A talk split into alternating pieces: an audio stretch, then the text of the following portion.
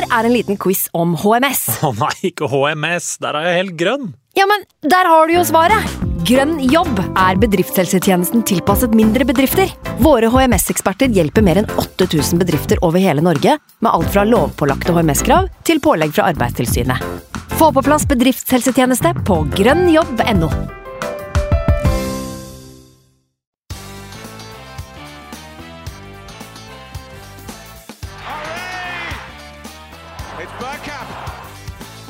for grabs now! The next station is Arsenal. Hjertelig velkommen skal du være til en ny episode av Arsenal Station. I dag med oraklet Magnus Johansen tilbake, og meg, Simen Goffeng. Juniorgjengen Sivert Skarstein Eriksen eh, er travelt opptatt med å utforske nye kulinariske varianter, etter at han på merkverdig vis har klart å gjøre aioli på pizza til et akseptabelt alternativ. Men vi Magnus, vi er på plass, og vi skal gjøre et eh, realt forsøk på å pløye oss gjennom det som var en fotballhelg med først en nedtur, men etter hvert også noen oppturer. Hvordan eh, står det til med deg? Jo, takk. Eh, lurer jo på om godeste unge Eriksen eh, har vært og mekka litt lasagne til Guardiola co. For det redda jo rett og slett helga her eh, med litt, litt, lite saft i beina hos City, sånn jeg forsto det. Så det redda jo min helg òg, på alle måter, egentlig. Jeg gikk jo fra egentlig jeg våkna i dag så hadde jeg en litt, en sånn tung følelse i, i, kroppen. Så lurte jeg på hva, hvorfor føler jeg meg på, sånn på en søndag. Søndager og mandager for den saks skyld har vært så gode siste fem-seks måneder. Og så var det sånn Jeg føler meg ikke helt vel i dag. Så kom jeg på at jo, jeg vet jo hvorfor. Og nå er på en måte det gode humøret tilbake. Så enkelt kan det gjøres. Så enkelt og deilig er det når Harry Kane hjelper oss ut på veien. Ja, Vi trenger ikke ha fokus på hvem som har gjort og hvem som har vunnet, tenker jeg. Altså, Mitt eneste fokus Jeg så ikke den kampen der i, i dag, da, søndag ettermiddag, men uh, registrerte hvem som tapte. Så bryr jeg meg heller uh, lite om hvem som vant. Men, uh, men, det er litt romantisk, Simen, at Harry Kanes sitt største øyeblikk i Tottenham, tror jeg, uten tvil uh, Blir å skyte Arsenal, eller bidra Arsenal til uh, ligagull? Potensielt, ja. bidra til den luka holder seg voksen og stor. Det er poetisk, og det sier alt om balansen som er i universet akkurat nå, og sånn den skal fortsette å være. Det var vel hans var det 267 eller noe sånt skåring. Mm. Gjør at han ble historisk. Og vi feirer med å legge ut bilder fra da han var åtte år i Arsenal-drakt og bare takke og bukke, som du sier. Så det kunne jo faktisk ikke ha skjedd på så veldig mye bedre måte, dette her. Så nei, nå går vi inn i en ny uke med smilet tilbake igjen, rett og slett. Ja, nå er det en vanlig mandag i morgen, rett og slett. Fem poengs luke. Og en Simen uh, Goffeng som driver og bearbeider reisefeberen.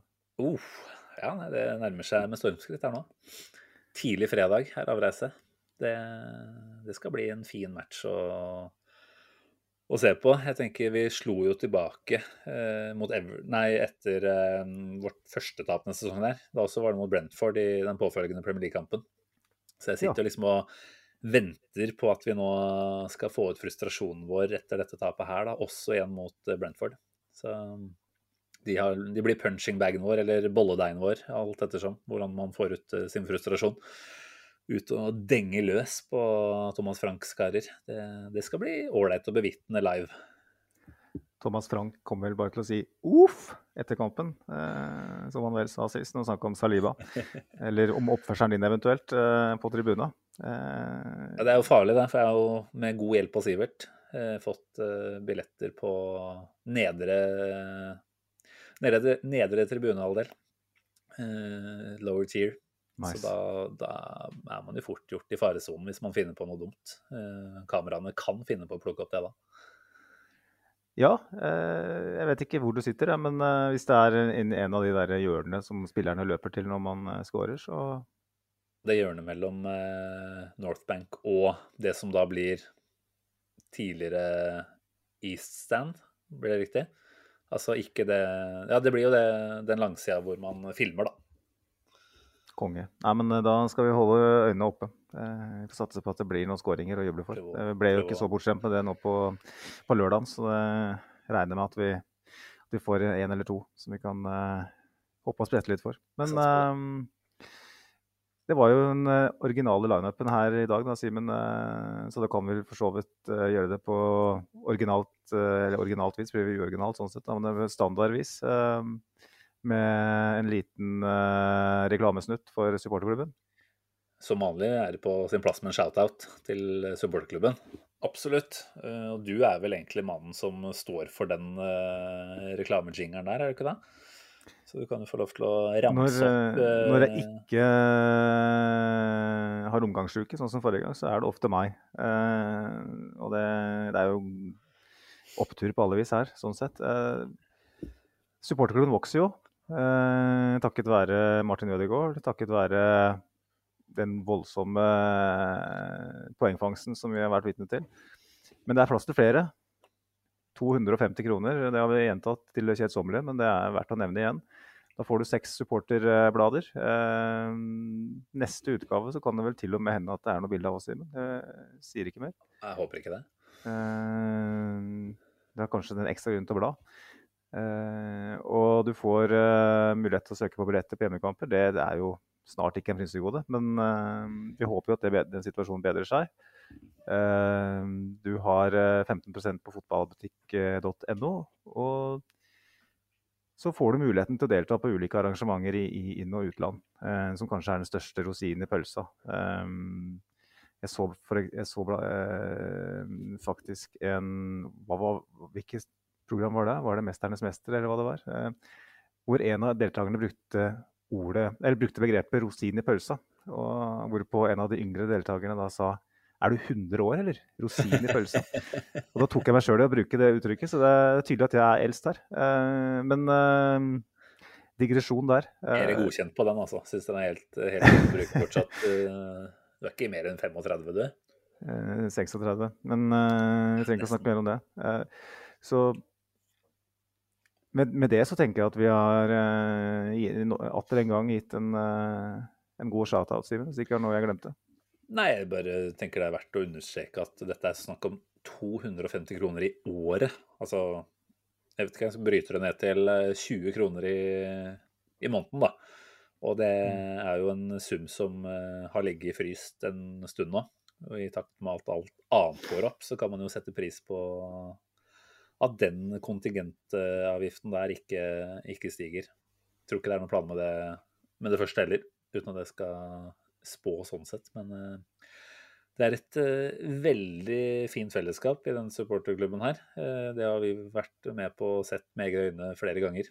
Så jeg bare gleder meg til at det skal bys opp til dans med noen samlinger, sikkert både i Norge og i England, i London, etter hvert som sesongen skrider videre framover. Så ønsker Budapest. man eh, for eksempel der også, for de som eh, skulle ha lyst til å ta en tur østover.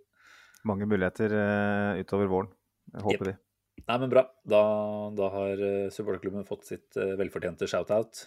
Da syns jeg vi skal snakke litt Everton-kamp, selv om ikke det nødvendigvis er like fristende som det har vært å snakke fotballkamp de siste ukene. Eh, Det er jo faktisk to podder på rad nå. Vi sitter og snakker om et tap. Du slapp jo, som du sier, unna forrige gang. Du fikk omgangssyken. Det er kanskje bedre, egentlig, enn å sitte og prate Arsenal etter et tap, men, eh, men nå er du her, og du må.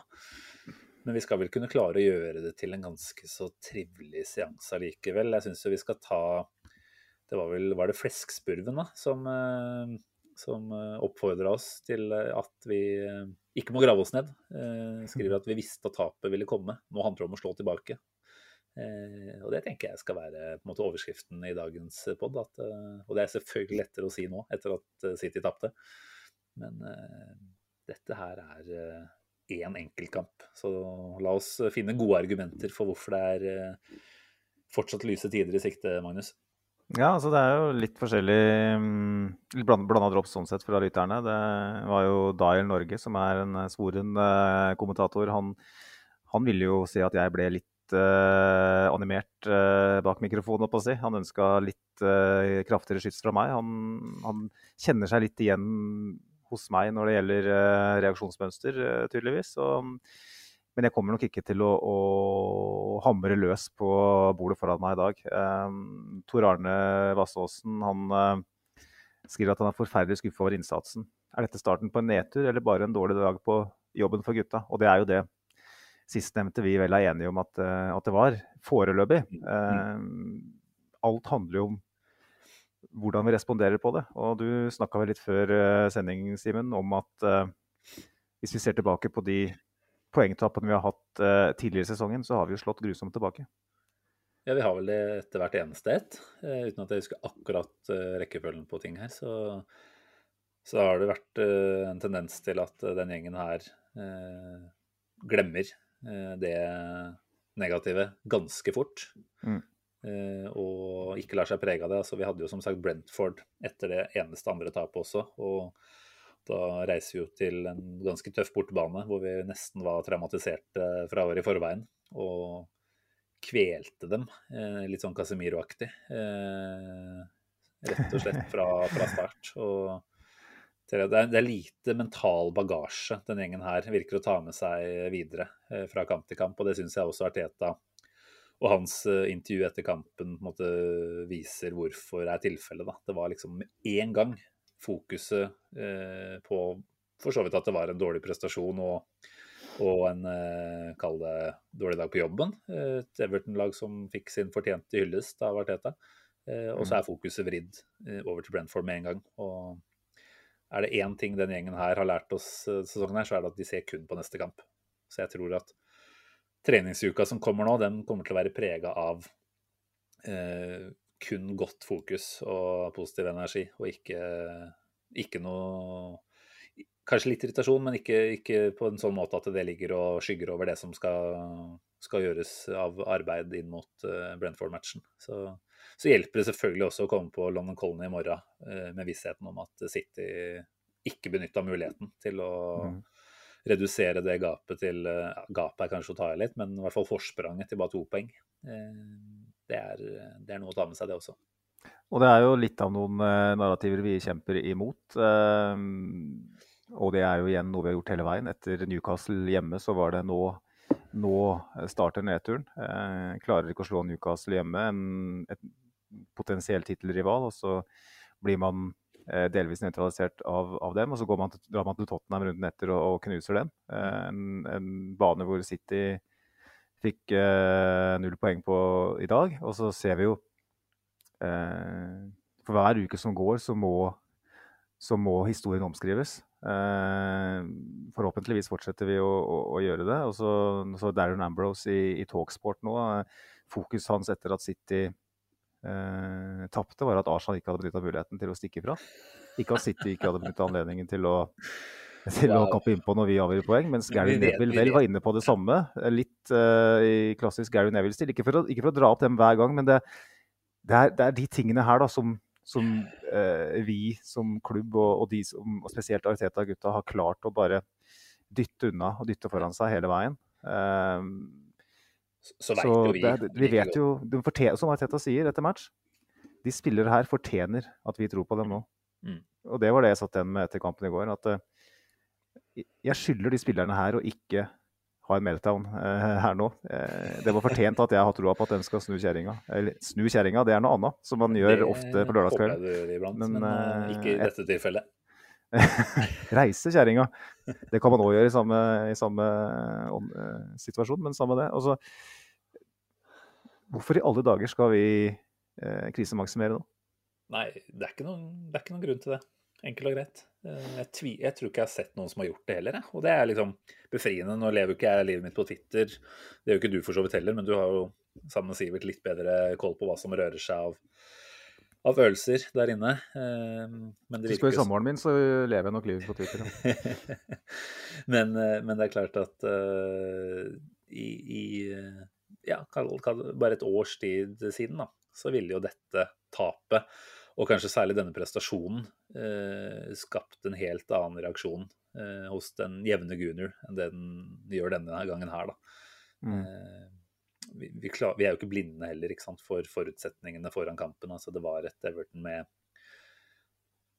ja, litt sånn befriende inngang til det. ikke sant? Det er, et, eh, det er en ligaleder som kommer på besøk, ny trener. Egentlig bare en, eh, en mulighet for å vinne. Eh, ikke noe å tape. Og Sean Dyche hadde dessverre, da, i mine øyne, klart å få litt mer skikk på det, det laget der enn jeg hadde trodd. Eh, jeg trodde faktisk ikke at det skulle være så effektivt. Eh, og trodde kanskje han ikke skulle nødvendigvis gå for en 4-5-1-variant. Det var vel ofte 4-4-2 han spilte i Burnley. Men den blokka han stilte opp med på sentralt mot oss nå, den, den var rett og slett genial, for så vidt. Mm. Enkel, men genial. Og den hindra oss, og vi kan jo komme mer tilbake på det. Men vi klarte skuffende nok ikke å finne noe vei gjennom. Men dette her er et arbeidsuhell, enn så lenge i hvert fall. Eh, hvis ikke vi lar dette forplante seg videre nå, så er dette her eh, en enkel liten eh, avsporing fra det som ellers har vært en helt magisk sesong. Da. Så veldig glad for at ikke det har vært noe i nærheten av noe meltdown. Og så vel igjen, det var jo det som var forventa, men at etter kamp så var det en en uh, bortegjeng som sto på tribunen der og klappa og var sånn sett veldig tydelig i sin støtte. Uh, og noe annet skulle man jo ikke forvente heller. Men uh, dette er fortsatt en gjeng, en gjeng både klubb og, og supportere som drar i akkurat samme retning. Så ingen fare, tenker jeg, altså. Men uh, vi kan jo se litt uh, nøyere på hva som faktisk uh, skjedde. da. Lagoppstillinga var jo sånn som vi ønska oss at den skulle være. Thomas Party ja, ja, var klar. ja, Du kan alltids argumentere for at man ønsket seg en Trossard eller en Tomiyasu f.eks., men sånn jevnt over så var jo den elveren vi forventa å se hvis alle var friske, minus Jesus. Um, og, men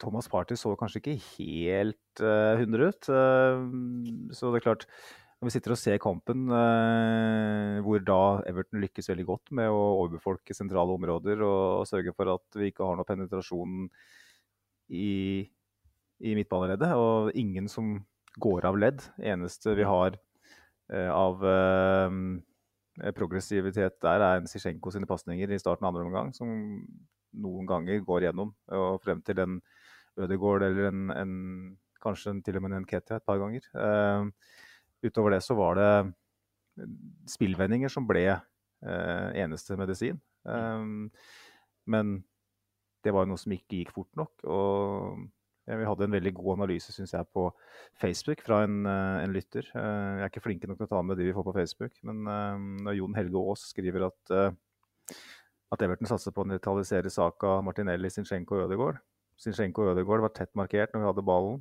i bakre ledd. Saka og Martinelli møtte minst to forsvarere når de hadde ballen. Mm. Samme taktikk som mot Newcastle. Eh, som Newcastle. Vi må forvente at vi vil møte mer av dette fremover. Jeg syns det var en presis og god analyse fra Jon Helge. Um, når han da møter et så kompakt og godt eh, drilla Everton-lag etter fire dager på feltet.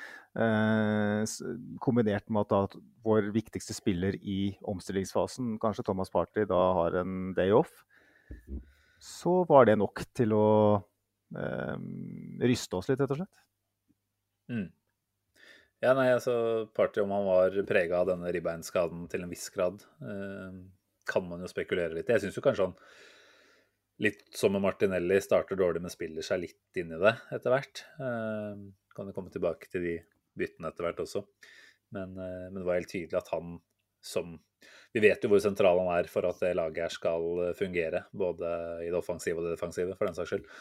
Uh, fikk ikke ja, var ikke presis nok. Fikk ikke kampen inn i sitt spor og sin rytme.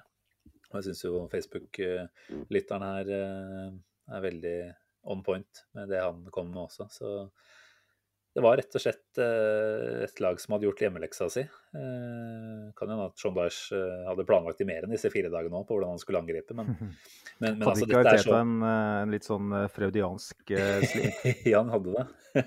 Hvor han refererte til Everton som Burnley? Han gratulerte vel Burnley med seieren eh, etter kampen. eh, og det er jo ikke så rart, det. Altså, det var en Burnley-spiller, eh, eks-Burnley-spiller som slo corner eh, til en eks-Burnley-spiller som hedda inn eh, for en eks-Burnley-manager. Og ikke minst så var det et Everton som framsto som et eh, Burnley-lag fra John Dyche sine toppdager der borte. Så for så vidt eh, jeg tror, jeg tror ikke det var noe tilsikta sånn sett, nei, fra, fra Arteta. Men eh, det stemte jo dessverre veldig godt denne gangen her, da. Og vi var jo litt inne på det, sånn, og ref dette med at andre lag også kommer til å møte oss på denne måten. eller i hvert fall med prøve. et forsøk på å møte oss på denne måten. og det skal man selvfølgelig ta på alvor, men jeg mm. tror ikke det er mange lag som kommer til å klare å gjennomføre det på like god måte som uh, Sean Dyche sitt. For dette her er altså Det er lett å glemme han litt når han har vært borte en stund nå, men det er jo en kar som veit sin fotballtaktikk, eh, mm. og som klarer å formidle tydeligvis da, på en effektiv måte. Eh, man ser gjennom den Premier League-tabellen her, så altså, jeg ser ikke så veldig mange andre lag som nødvendigvis eh, har En ting er spillemateriellet, Eh, til å gjøre det, men også en like gjennomført eh, trenertype som faktisk er villig til å ha denne tilnærmingen over tid. Da. For det, dette er jo Sean Dyche-fotball, ikke bare mot Arsenal, men eh, sannsynlig mot, mot, alle de skal møte eh, resten av denne sesongen her. Mm. Eh, mens eh, CS Southampton, som vi også sikkert kan ha slitt, slitt med å, å, bryte ned, eh, det blir på litt andre premisser allikevel. da. Så det her endte liksom opp med å bli fort en av de absolutt vanskeligste testene eh, borte mot Everton. Eh, mm. En uke for seint, dessverre for vår del. Banna litt innvendig foran barna mine eh, når Westham vant mot Everton i forrige runde. For da skjønte jeg jo at nå ryker Lampard. Eh, og det lå jo i kortet at det fort kunne bli Daesh. Uh, og Det sier litt om Everton når de uh, har to kandidater. Uh, og Den ene er Bielsa, den andre er Daesh. Da har man, har man i hvert fall ingen plan. Men man endte vel opp med det des desidert beste alternativet. og Jeg må jo bare si det at før vi går videre på med høydepunkter og, og litt sånn som eventuelt skal omtales, så jeg ble utrolig imponert over det han har fått til på mm. så kort tid. ikke bare i den mer klassiske Daesh-fotballen som er, handler om å, å, ligge dypt i blokk og vinne dueller og, og ta alt dødballa som bare faen. Eh, det var jo i andre omgang der en del høyt press òg, til og med. Eh, som satt ganske godt, altså. Eh, vi fikk ikke snudd oss. Vi fikk ikke eh, tatt med oss ballen eh, med, med, ball i beina. Alt.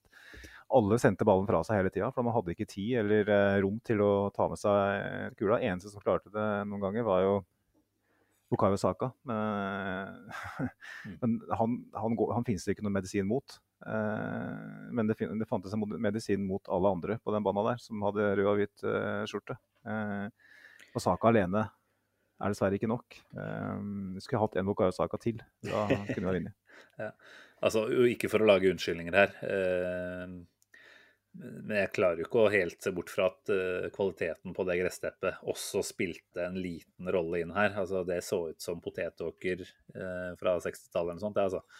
uh, det var en stygg bane. Og jeg, jeg, satt egentlig og tenkte litt på når jeg så, så litt på Chelsea Fullham på fredag kveld, hvor det også var tendenser til en del jordflekker. At Everton eh, de har ikke eh, lagt to pinner i kors for å gjøre den banen der så spillbar som mulig eh, nei, til Arsenal kom på besøk. Og det, det, viste seg å stemme. Og igjen, det er ikke for å lage en unnskyldning. Og jeg liker at ikke Arteta bruker det. Det var vel aldri oppe som et tema i etterkant i det hele tatt. Og det, det er jo akkurat sånn det skal være. Men, men vi kan ikke komme unna at vår, vår, måte å spille fotball på, den egner seg for Emirates-kvalitet, og ikke goodisen på januar-februar-månedsskiftet. Da, mm.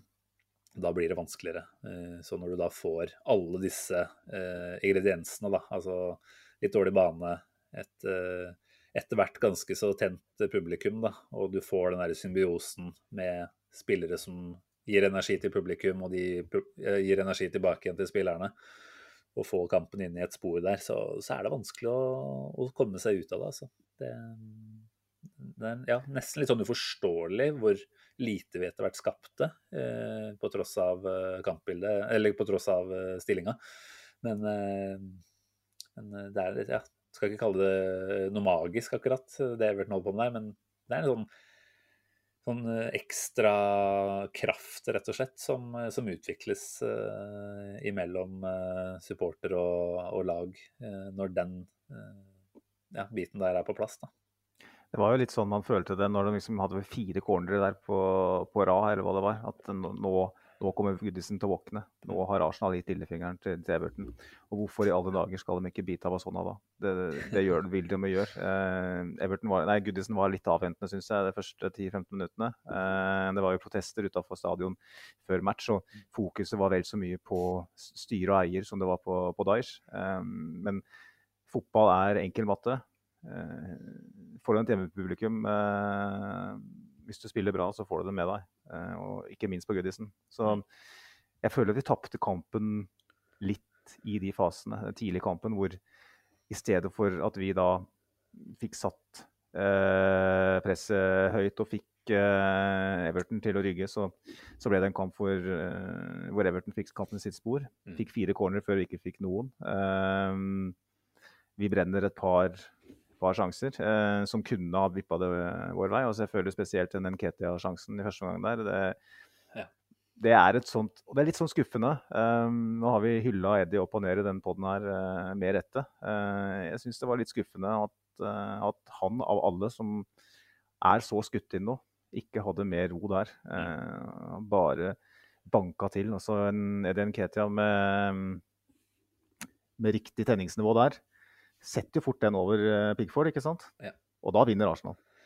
Ja. Så det er sånn nøkkeløyeblikk som det der. Fotball er så jævlig marginalt. Så sitter vi her og snakker om et arbeidsuhell som kunne ha vært en ganske grei dag på jobben, hvor vi ridde av en tidlig storm og, og bare får det målet, og så, så ror vi det land, da. Eh, men når det er sagt, så Jeg kan ikke huske at vi skapte omtrent noe mer i den første omgangen.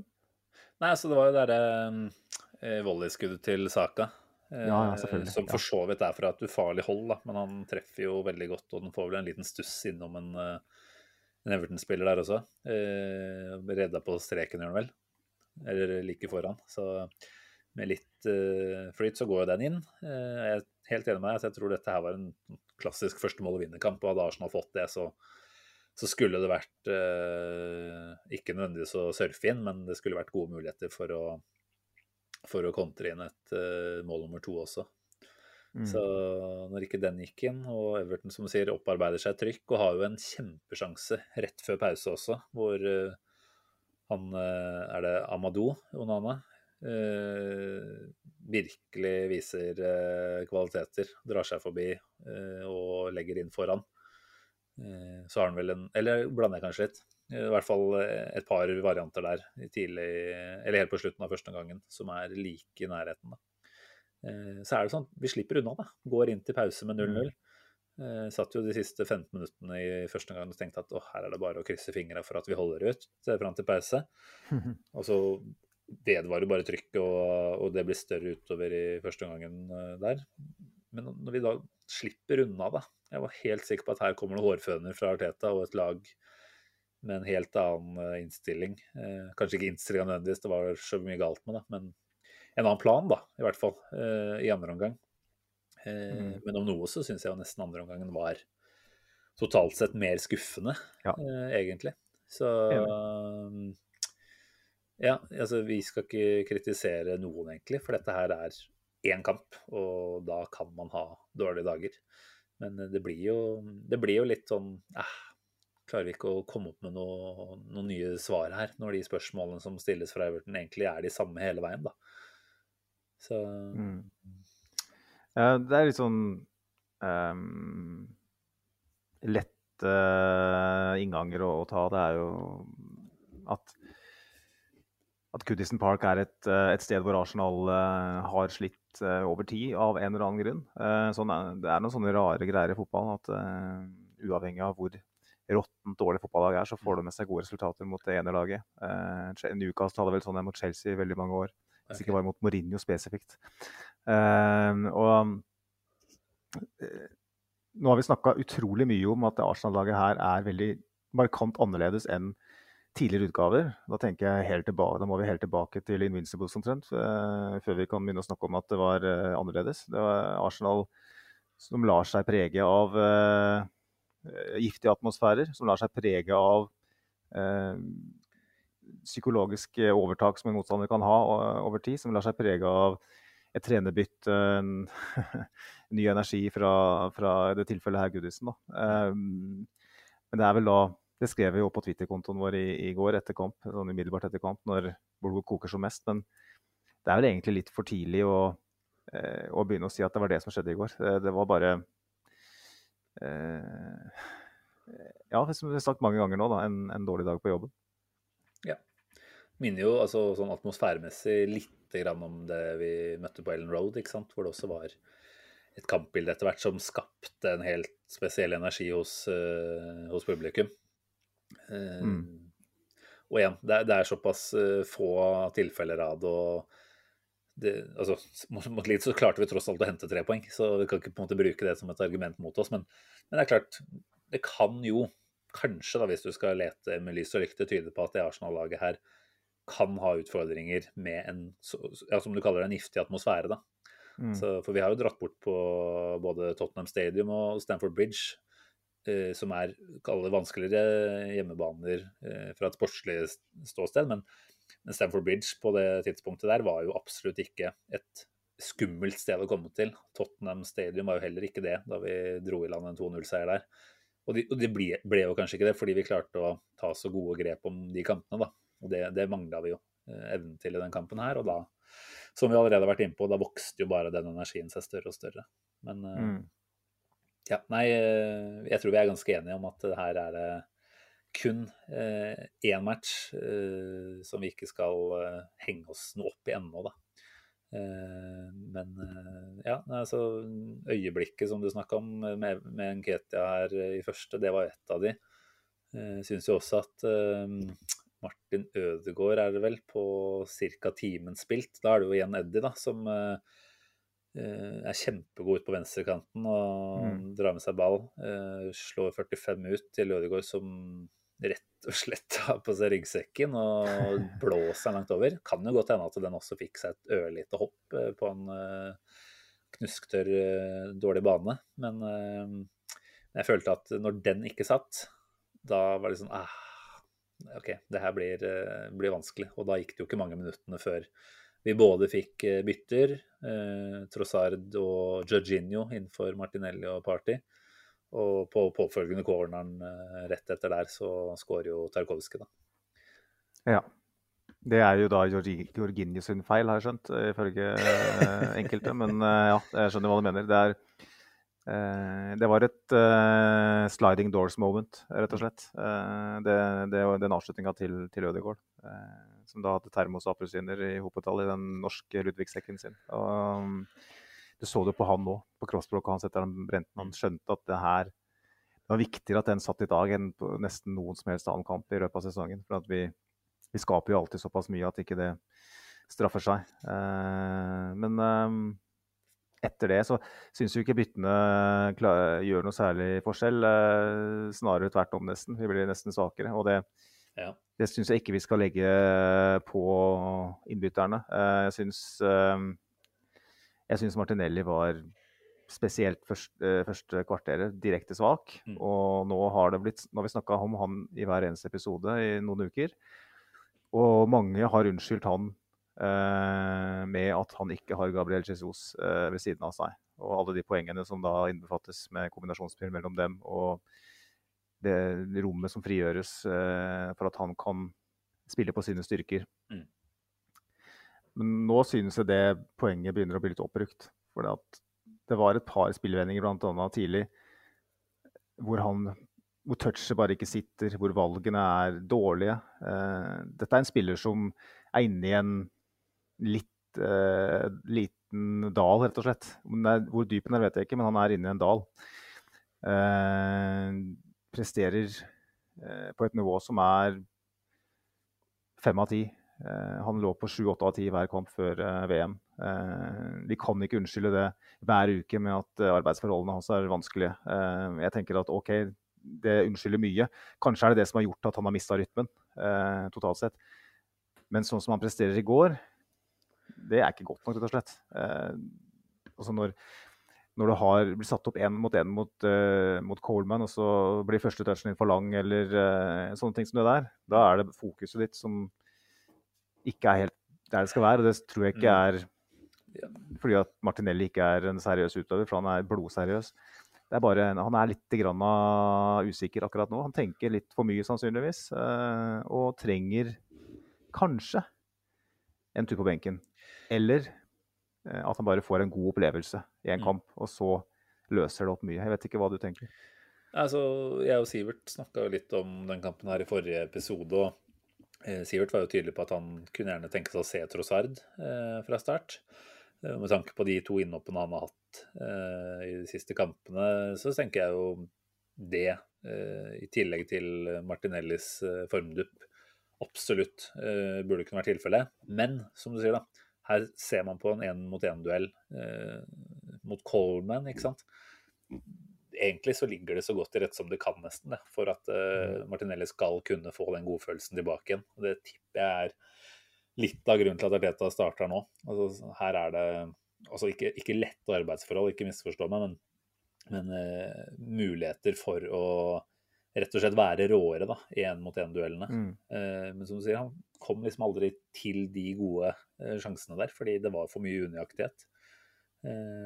det det er kjipt. Eh, han går jo ikke av banen med noe bedre følelse ellers. Men jeg syns han, han spilte seg litt opp og for så vidt uh, surra ikke like mye utover. Eh, og da, da, følte jeg jo nesten på at å ja, her eh, var det nesten litt feil tidspunkt å ta han av på. Ja. Kanskje litt samme party også, men der kan det jo ligge andre ting til grunn. da. Og det er veldig lett å si når det målet kommer da altså bokstavelig talt i neste spillsekvens. Mm. Og det blir et enda vanskeligere kampbilde og vanskeligere atmosfære å forholde seg til da, for, for, de som akkurat har kommet innpå. Og jeg syns jo egentlig Jorginho spiller en helt ålreit kamp, de 30 minuttene han er på. Så ja, det er, det er egentlig ingen enkeltspillere man skal være ute etter etter den kampen her. Alle hadde en slags off-day, kan du nesten si. Men den er det Everton som gjør at vi får, da.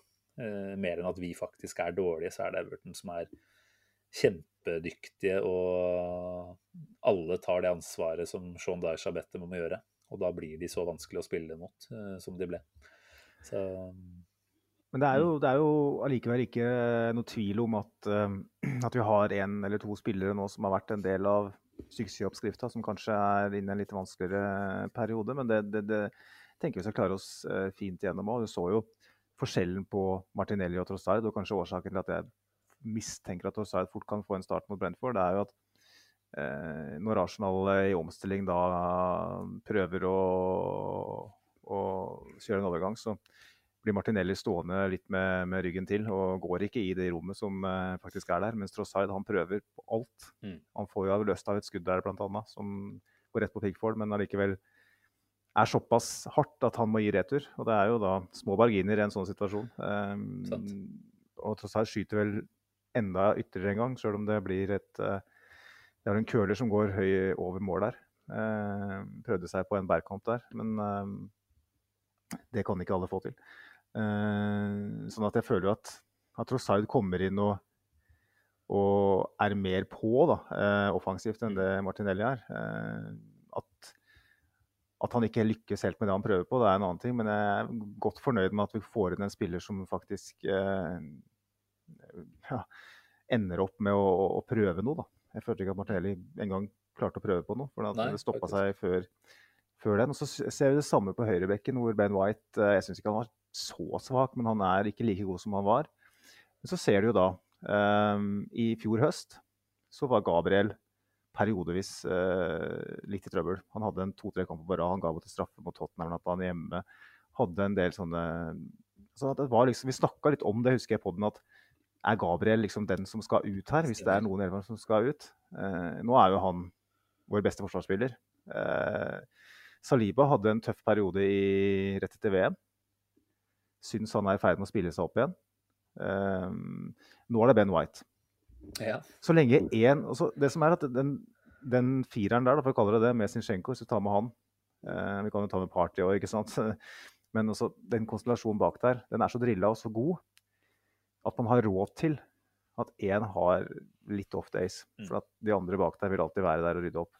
Eh, for det er et det er et så godt drilla lag. Vi slipper inn ett mål mot Everton her. Vi kunne for all del slippe inn flere også. Men det er på en dødball. Vi slipper egentlig aldri inn på dødball. Eh, men det sier veldig lite om, om backfireren. Eh, selv om Ben White har en off-day, så, så, er vi totalt sett så godt drilla og så gode at vi, vi, vi, slipper ikke til så mye. I det, mot Everton så gjorde vi kanskje det i litt for stor grad, men i de aller fleste kampene så tåler vi at en av de tre eh, sliter litt. Og det ja. vi regne med i løpet av sesongen. At, at, alle kan ikke være like gode hele tida. Um, hvor gode er vi til å dekke? Hvor, hvor sterkt er kollektivet?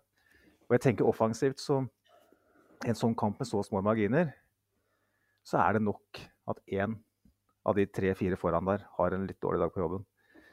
Uh, så jeg er litt spent på hva Teta gjør uh, foran Brentford. Om han gir Martinelli ny tillit. For det, føler det litt, stiller seg litt annerledes offensivt eh, ja. enn det gjør bakover. Det er interessante tanker der, altså. Og jeg tror at vi får, uh, får en Trossard eh, inn, inn, fra start her. Så til ikke det er noen andre årsaker til at andre i den offensive fireren må ut. Og det, det, skal det vel ikke være noen signaler om, i hvert fall enn så lenge. Så, så tenker jeg at han får etter hvert en velfortjent start her òg. Nå kommer du etter hvert i ja, ikke altfor langt fram i tid, uh, to kamper i uka også. Og da er det noe med å mm. ja, se på at Martinelli også kan få mulighet til å spille på seg nødvendig selvtillit inn i Europaligaen istedenfor Premier League. da. Uh, for det har vært Jeg vet ikke hvor lenge det er siden Martinelli skårte. Det var vel kanskje mot Brighton som putta sist. Men allerede i den kampen der husker jeg også at vi var litt sånn eh, Kampen sett under ett var ikke noe kjempemessig for hans del. da. Så han har vært eh, uryddig, har han for så vidt vært hele tiden. Det er sånn, sånn han er. Eh, mm. Litt, eh, litt kaotisk i touchen og sånt. Men han får jo stort sett ballen framover, eller dit den skal. Men, men det greide han ikke nå.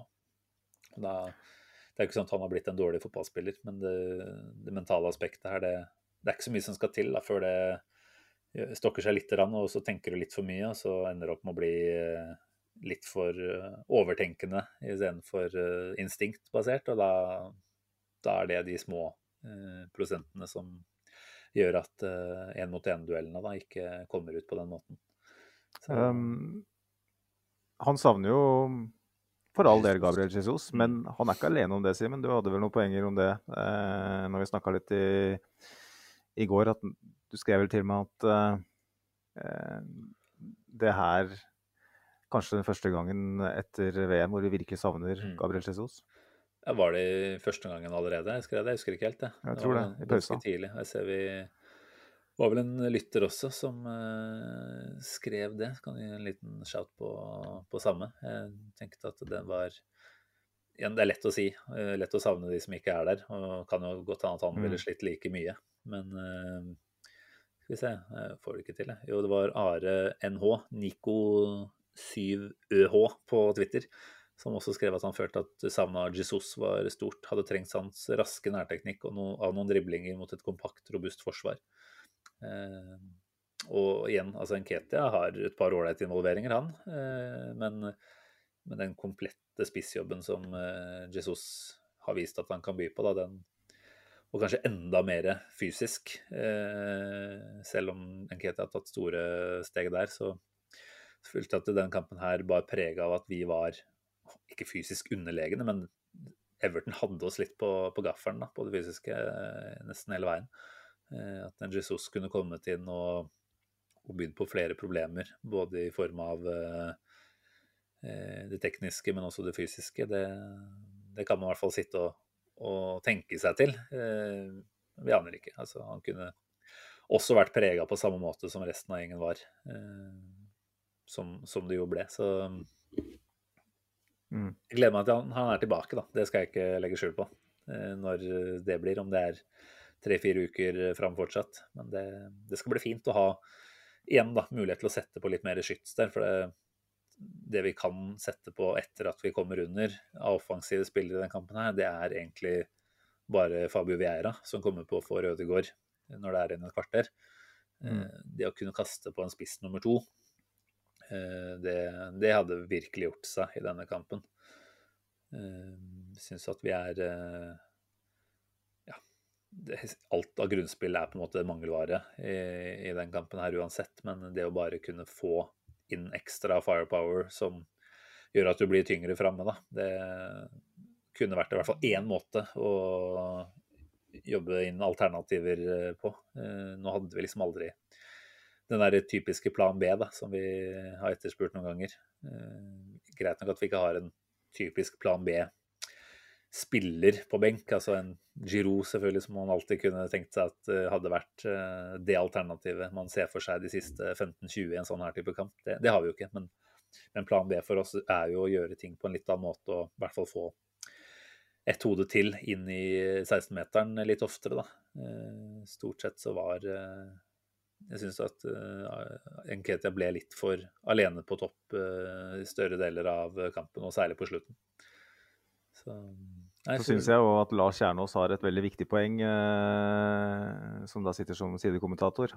Lars Kjernås er jo kanskje Norges sterkeste fotballkommentator, syns jeg. Han er vanvittig god. Ja. og han sa jo det at Arsenal slår jo ballen altfor lite direkte fra forsvaret og opp til angriperne. Det skal liksom gjennom mm. midten, det skal ut på sida. Eh, og man lurer jo på om hvis Jesus hadde vært der, så hadde nok det blitt forsøkt eh, i større grad. Jeg vet ikke om Nketia i den kampen her ikke er flink nok til å gjøre seg tilgjengelig, eller at, eh, at man rett og slett ikke går for den løsningen. Jeg vet ikke, Det er klart det er veldig, veldig trangt i midten der.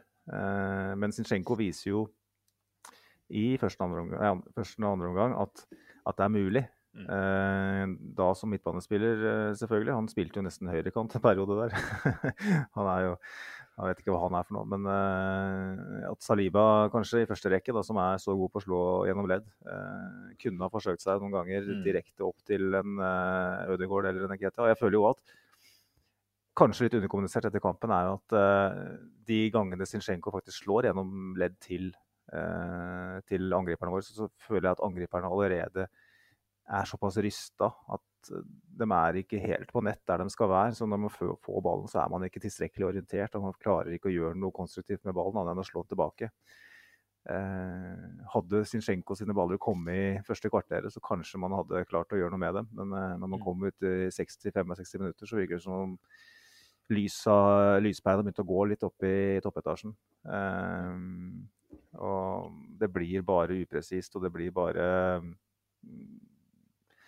Det ender liksom ikke med noe farlig. da. Jeg har ikke sett på antall touch i boks i andre omgang i, i, går, men det må ha vært utrolig lavt i, i forhold til hva vi vant til. Vi, vi, har jo prøvd å gjøre et poeng ut av at Eden Keta er, er en annen type spiss enn en Gabriel Jesus. og det, det gjorde jo dere Den myten slo dere i hjel nesten eh, med tallene i forrige episode. Eh, og det er en veldig liten sample, så vi vet jo at de er forskjellige. Men det viser seg at veldig mange av tallene har holdt seg stabilt veldig gode. Eh, men Vi fant vel også ut at det var på et langt lavere eh, antall kamper, da. Altså det var vel ja, ja, ja, det var det 14 si. kontra 5, ikke sant. Så, og her kom kamp nummer 6, som selvfølgelig drar ned snittet på Enketia-tallene ganske kraftig. Mm. Men eh, nei, altså Problemet her er at man ser egentlig fra starten av, tenker jeg, at eh, det er et mønster den kampen her vil bli spilt i. Og så opplever jeg vel aldri at vi klarer å gjøre noen virkelige endringer for å finne en annen vei fram.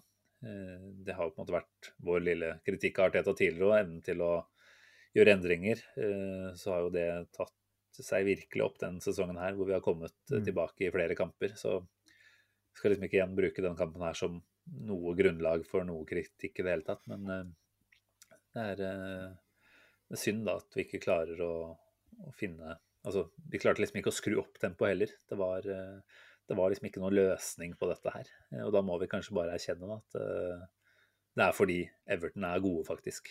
Uh, mm. Stort sett så har vi fått det der til. Og det er litt vanskelig å svelge det når det er nest dårligste lag i ligaen før kamp vi møter. Men, men Everton under Lampard og Everton under Sean Dyche, det kommer til å vise seg at det er to vidt forskjellige utgaver.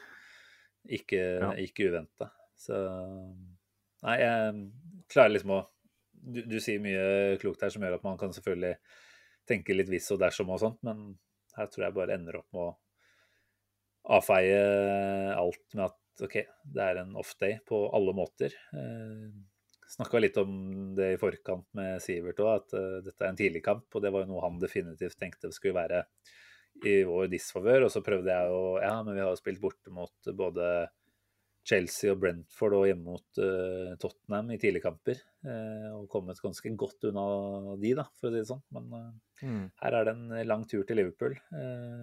litt andre omstendigheter enn hjemme i London. Mm. Det, det, det er ikke så greit, det der, altså. Vi har vel hatt tidlige avspark i Liverpool og Manchester tidligere med ganske forferdelige utfall, så Så Ja. nei.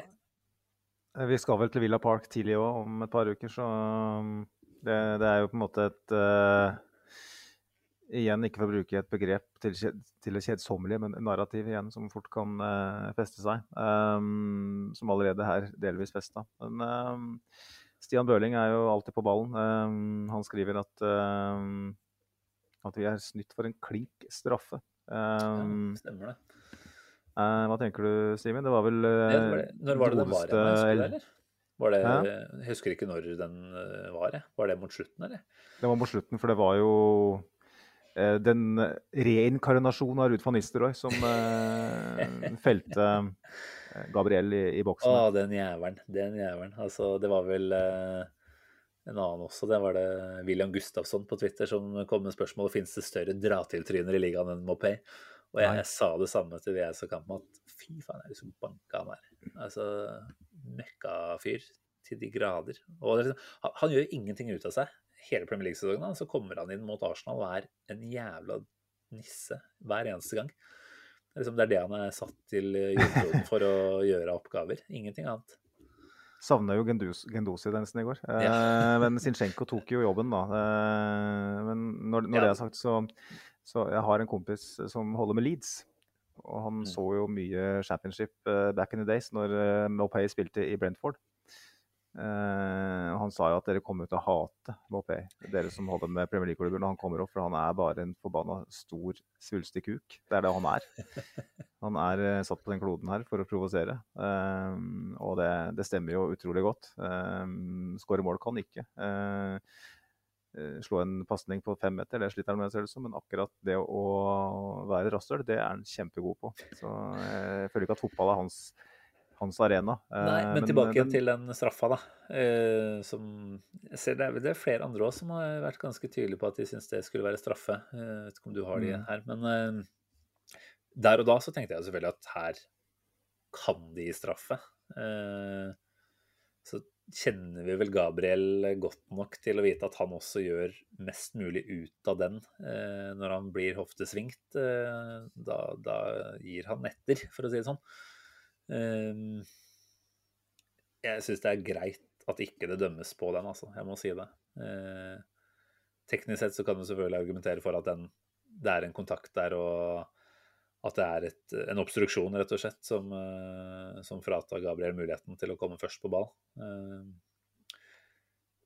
nei, jeg hadde nok vært ganske hissig hvis Arsenal hadde fått den imot seg selv, i hvert fall. Ja, jeg er kanskje ikke like enig med deg som jeg pleier. Jeg syns absolutt at den eh, kan dømmes på.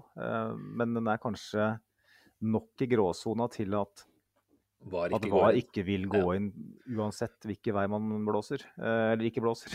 Mm. Så men jeg syns, jeg syns det er straffespark, for det, det er Han tar eh, ikke ball, han tar bare eh, beina på Gabriel. Og han går ned. Altså, ikke misforstå, altså, det, det, det går absolutt an å dømme på den. Og hadde dommeren blåst der, så hadde jo absolutt ikke VAR gått inn og overprøvd det heller. Og det kan hende at det er noe Det var vel en var det David Coote som hadde drømt tre ganske hårreisende kamper på rad omtrent før denne her nå. Eh, måtte få den da.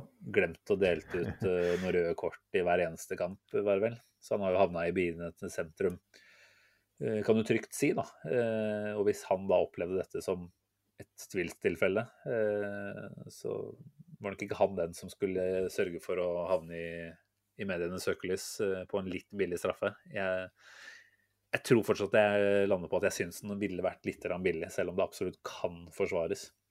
Så Ja, nei, igjen, det hadde vært deilig å nikke et poeng på slutten her, og det satt jeg egentlig og følte på at OK, taper vi to poeng, så så er det kjipt, men å, å hente inn eh, eller hente hjem ett etter den opplevelsen her, det ville vært som en liten seier i seg selv. Så jeg satt Mm. jo bare virkelig og Jeg ba ikke de høye makter, det gjorde jeg ikke, men, eh, men jeg tenkte at her er det nesten uh, som en seier å, å vurdere det, hvis vi får inn en. Men, uh, Ja. Greit at ikke det blir gjennom den straffa der. Ja. Det er ikke noe krise. Uh, det er det ikke. Føler jo at at det er andre ting som er verre med dømmingen, men uten at det var noe sånn kamp som man ettertid skal sitte og snakke om dommerne med. For det er det ikke. Det er, den kampen her den taper vi på egen hånd. Eh, rett og slett. Eh, ikke på egen hånd, fordi at Everton skal ha sin del av eh, kaka der. Men eh, vi kan ikke skylde på noe svak dømming eller tilfeldigheter her. Vi kunne lett ha slippe inn et par til i første omgang. Ja. Eh, en skostørrelse på, på han godeste Calvert Lewin, og kanskje til og med en litt mer heftig panne, pannebrask, eh, kunne ha gjort, eh, gjort vondt verre. Så Mm. jeg tror, eh, som vi snakka om eh, til kjedsommelig så langt i dag, Simen, at vi må rett og slett bare børste av oss det her. Ja, eh, og- og komme oss videre. For vi fikk jo tross alt da, en, god, en litt, liten oppreisning allerede i dag. Ja, hvis vi skal videre dit allerede. Jeg ville bare liksom nok en gang, når du kommer med disse dommer, denne dommerkritikken, som jo er kanskje på sin plass, da, eh, nok en gang bare hylle Arteta, som ikke da tar de ordene i sin munn, så vidt jeg har fått med meg i hvert fall. Og det, det syns jeg er en veldig, veldig grei ting at vi har runda av denne kampen her eh, rett etter eh, dommeren har blåst av, og ikke ta med seg noe av det videre. Eh, så, så er det lettere kanskje for meg å sitte her og si det nå, når det du er inne på har skjedd i dag, og det er at City vinner mot uh, Spurs. Nei, motsatt. Spurs vinner mot City. Mm. Da, da, da går man jo og tenker at dette her ikke nødvendigvis var en så halvgæren uh, helg allikevel. Altså, vi er unnagjort enda en bortekamp. Eh, har åtte igjen av de. Ti igjen hjemme. Men City har åtte hjemme og ti borte. Eh, Eller må være, må være en kamp mindre eh, for ja, dem å gjøre det på. Da har de gjort ferdig den ene av de selvfølgelig nå. Ni borte igjen, da. Mm. Ikke sant? Så, Kun åtte hjemmekamper mot uh, våre ti, og, og City har vel offisielt nå etter i dag avgitt poeng i flere kamper enn det de har vunnet på borte denne sesongen. der. Oi. Tror jeg. Ja, det kan stemme. ja. Ikke sant? Jeg mener jeg sjekka det før, uh, før helga og kom fram til at det var um, Jo, Hvis det de er har riktig, det. spilt Hvis de har en åtte De har like mange. altså De har vunnet fem, og de har eh, spilt to uavgjort og tapt tre på bortebane. OK, ok, da er det likt, da. Ja. Ja. Men det er jo i seg selv en uh, statistikk som forteller at dem ikke er spesielt gode på bortebane. Og det har vi sett med våre egne øyne. Ingen av oss så jo den kampen i dag i noen særlig grad. Jeg så de siste minuttene bare. Eh, Sivert eh, var vel ganske tydelig da han skrev så vidt i pause her, registrerte etterpå, at eh, City har ikke sett ut som de omtrent skal skåre mål den første gangen her. Og det er altså da mot Tottenham som vi høvla over i første omgang når vi var på besøk. Så det er jo ikke noe tvil om at det City-laget her er jo ikke den samme maktfaktoren som de har vært de siste sesongene. Jeg trenger ikke å gå i noen sånn ordentlig City-analyse her og spørre om det er pga. Haaland eller pga. slitasje eller hva det skulle være, men Ja. det sitt laget kommer ikke til å dra sammen ti strake seire, da, som de har gjort før. Det er jeg helt sikker på. Eh, så da handler det egentlig om hvor mange fuckups eh, tåler vi at Arsenal har eh, utover sesongen her. Og jeg tror vi kommer til å tåle noen. Jeg tror ikke nødvendigvis vi kommer til å ha så veldig mange, for det, det har vært eh, altså Bortekamp mot United, det var uten Thomas Party, og det var omstendigheter underveis der som var ja, definitivt i vår disfavør, med tanke på dommeravgjørelser og sånn. Og Mm. denne her var, som vi har vært inne på mange ganger nå, altså Sean Dyche sin første, og rett og slett et Sean Dyche-lag som kommer til å være umulig for mange andre å spille mot også. Eh, det er 18 kamper igjen, så jeg tror ikke vi skal begynne å peke på hver enkelt og se hvordan den og den og den kommer til å gå. Men, eh, men ja, vi skal bort til City, vi skal bort til Newcastle og Liverpool. Et Liverpool som for øvrig ser helt, helt ferdig ut. Eh, Det er liksom Aston Villa syns jeg vi bør ta med. Det er en tøff match. Men ja. Er, vi har kommet dit at så lenge vi vinner hjemmekampene våre, så tåler vi ganske mange poengtap på borte, tror jeg. da. Eh, og vi sa vel i den poden her, hvis vi skrur tida tilbake noen måneder eh, til før VM, at eh, kanskje må vi åpne sinnet vårt litt. Grann. Eh, og det på to forskjellige måter. Hva, hvem, hvem er vi, og hvem er City per dags dato? Mm. Eh, og jeg tror vi har fått eh, For de av oss som turte å åpne sinnet tilbake den gangen, har eh, fått et tydelig svar om at Arsenal er ikke det Arsenal vi forventa, og City er ikke det City forventa. Og med spesielt trykk på sistnevnte. Mm. Eh, nå faller jo Liverpool og, og Chelsea og sånn ifra, ikke sant. Eh, sånn at det er, det, er liksom United, det er City og Arsenal og kanskje United, da, hvis man skal være litt snill, som, som har en viss sjanse her. Og eh, når man ser på hvordan de har fremstått den siste tida, City altså, så tenker jeg at med unntak av de kampene vi faktisk skal spille mot City, det er to, to matcher mot dem, det er seriefinaler, sånn som det fremstår akkurat nå, så kan vi kun ha fokus på vi kan, vi, Og det, det, har jo åpenbart Ariteta og, og gutta òg, men vi som supportere òg kan senke skuldrene litt grann, og tenke at vi må fokus på oss sjøl. Mm. Fordi at så lenge Arsenal gjør noe som er bitte litt i nærheten av det vi gjør det første halv, halvdel av sesongen, så, så, er det ikke et spørsmål en, om, en gang om hvilken nordmann som løfter uh, tittelen. Altså, nå skal vi ikke snakke om Premier League-gull hver gang vi har uh, episode, for det blir nesten for dumt. Men Snakke litt om tittelkampen hver gang, det tenker jeg vi skal fortsette å unne oss.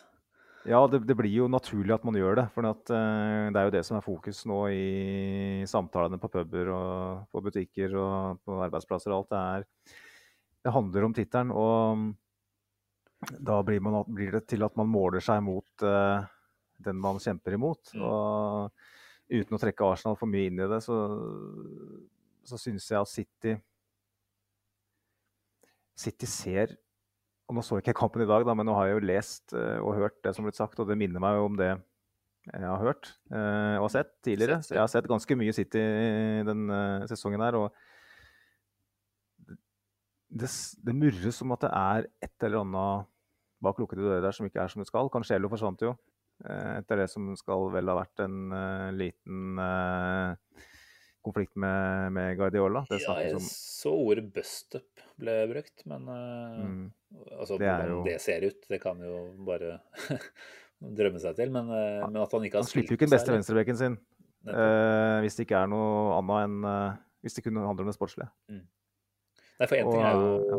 altså, Vi har jo snakka om at City ikke nødvendigvis er altså Kanskje de ikke er på topp gjennom 38, men dette er jo fortsatt et lag som kommer til å gå all in for å vinne Champions League. altså Noe de fortsatt sikkert også tenker at de skal gjøre i Premier League-sammenheng. Men, men, det å da sende beste venstrebekken sin eh, på dør, eh, og nå putte inn en 18-åring som den inverterte venstrebekk-varianten som de gjør med Rico Lewis, da, det, det er jo et eh, dristig valg, for å si det mildt, når det drar seg til med utslagsrunder i Champions League også. Så her er det helt tydelig at det er en del uh, murring. Og uh, altså dette med å være inspirert og se ut til å ha et mentalt overskudd, det har man jo måttet snakke om i, i lang tid. Og syns jo Guardiola etter hvert begynner å framstå som litt mer uh, lei enn det han har vært i tidligere sesonger. Mm. Uten at det på en måte skal være sånn at man bruker ordet resignasjon ennå, for det er det absolutt ikke. Men det er et eller annet som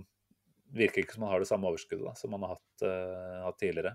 Og jeg så ikke noe særlig av den kampen i dag, men kom inn på de siste minuttene og ser liksom at han da har en sånn skikkelig ironisk tommel opp til uh, sikkert dommeren, da, som ikke har blåst akkurat det. han Det er bare måten han sender ut signaler på, da.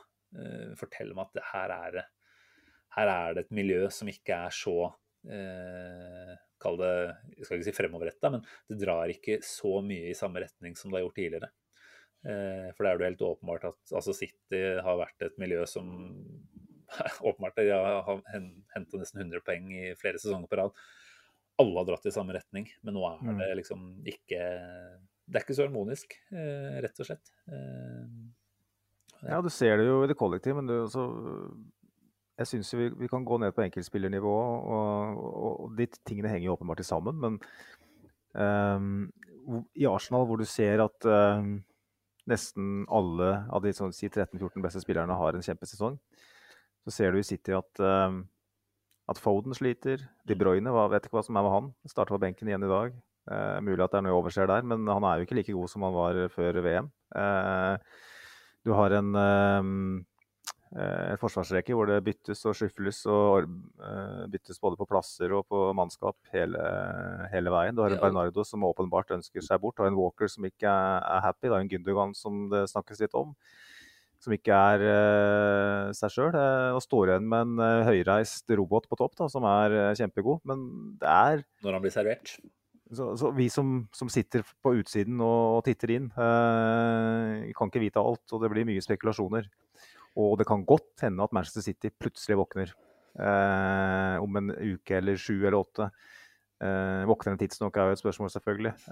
det kan godt hende at Arsenal kollapser delvis, sånn at City på en måte kan i en svak sesong allikevel ta, ta tittelen. Men, men, men, men det er noe som ikke stemmer, det må vi være enige om. Altså, oppspillet til kampen til City i dag, det er at Arsenal har gått på en smell borte mot uh, jumboen i ligaen, omtrent.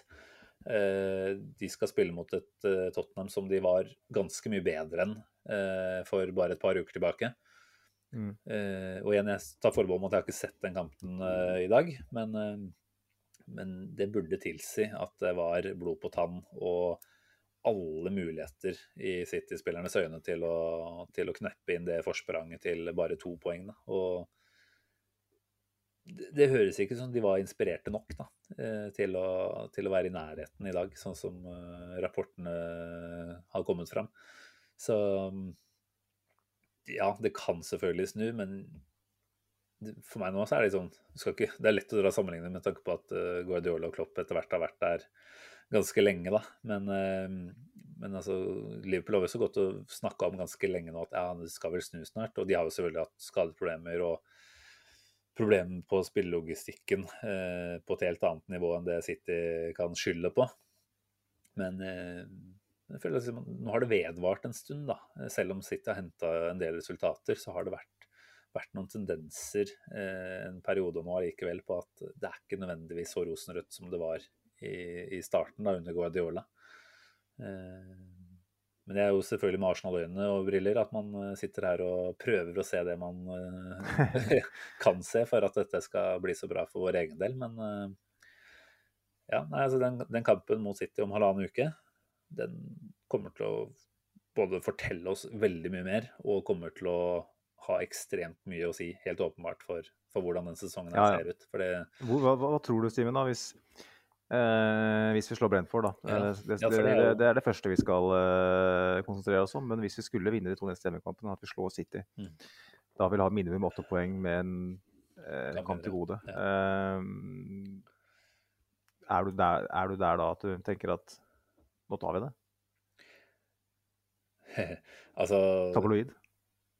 jeg tar fortsatt det forbehold om at uh, man kan bli skuffa her. Uh, men da ville jeg virkelig bli skuffa, hvis ikke vi, vi, skulle klare å forvalte et åtte uh, poengs forsprang. kommer litt tilbake igjen til det med at City da på det tidspunktet også skal begynne å se mer på europaspill.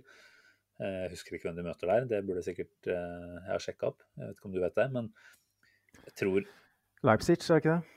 Ja, ikke sant. Det er jo det er jo ikke noe lett lag å spille mot, men det, det, er jo et eh, lag de skal ta seg videre mot. Og da har de i hvert fall fire kamper til da, i Europa. Mm. Jeg tror at vi, hvis vi legger de bak oss med åtte poeng på det tidspunktet der, så ja, den der mangelen på blodtørsthet den føler jeg vi allerede har sett nå, som sagt. Eh, jeg tror den blir enda mer påtakelig da, og at uh, det blir en sånn helt tydelig tanke om at her er det Champions League som virkelig skal uh, prioriteres resten av sesongen. Da. Nå har de jo brede spillerstaller og kommer jo til å kunne stille ganske ålreite elvere også, om de spiller, kall det benkespillerne sine. Altså, de har Laporte og de har Ruben Diaz på benk. Starter, ja, ikke sant? Men de starter Akanji og uh, OK, da. Uh, for meg så er jo det litt merkelig. Men de, altså, OK har jo spilt, uh, spilt bra denne sesongen her, absolutt, for all del. Men mm. der er det liksom menn som kan komme inn og ja, egentlig styrke sittet, da. Ut ifra hva mm. de har vist de siste ukene, i hvert fall. Så nei, jeg, Litt kan du jo si at Arsenal skal spille Europaliga, som da vi legger veldig mye mindre i den potten enn det City gjør i Champions League-potten. Um, mm. Jeg tenker jo igjen, da, hvis vi skal gå tilbake til den tabloide vinklinga mi med at hva hvis vi vinner de to neste?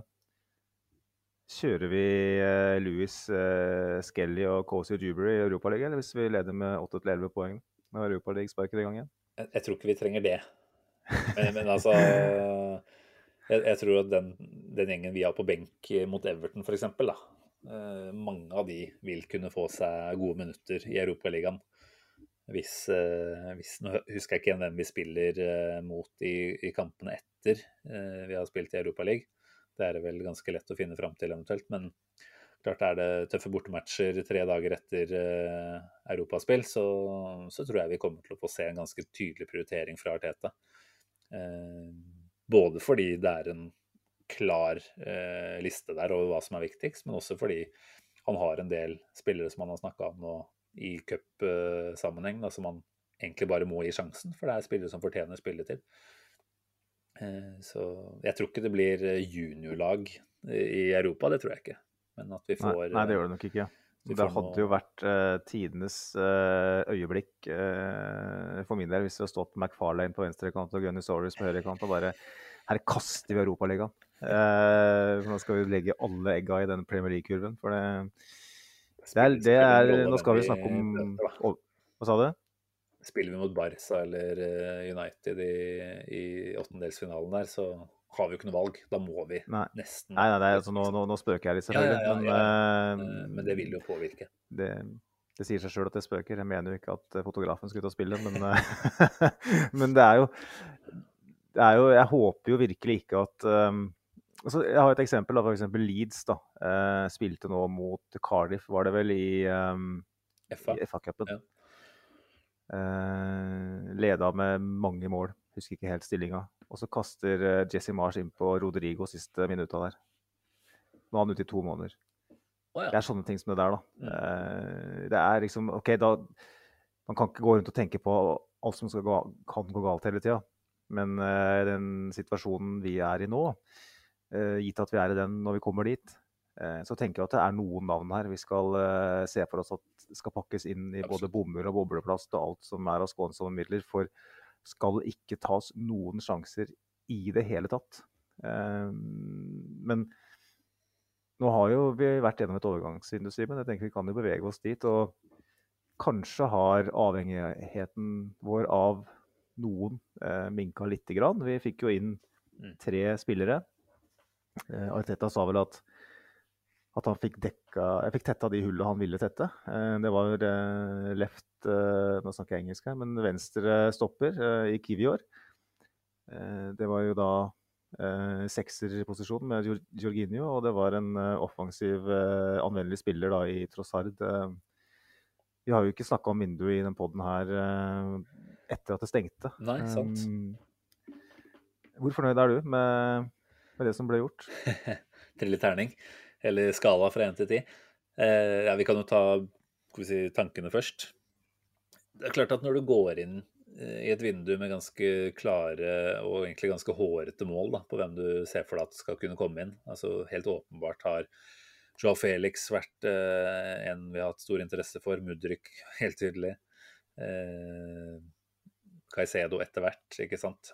Og man ikke ender opp med noen av de absolutte store fiskene der. Eh, så er det lett å tenke med det i betraktning at man er litt skuffa. Men mm. hvis du prøver å Litt sånn kognitiv vanskelig øvelse, kanskje. Bare slette den biten der. Og se på hva er det Arsenal hadde før januar, og hva er det vi sitter igjen med nå. Eh, da er jeg ganske godt fornøyd, altså. Jeg må si det.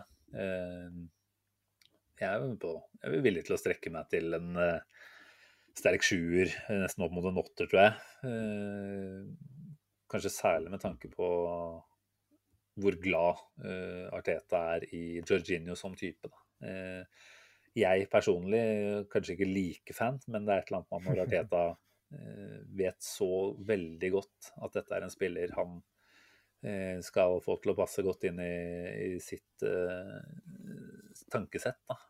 Og en fotballsmart spiller etter alle solmerker også, som vil kunne komme inn nesten fra start og, og gjøre en forskjell. Så så tenker jeg det er en kjempesignering. Og han skal forhåpentligvis ikke spille kjempemye fotball heller, hvis en party holder seg skadefri.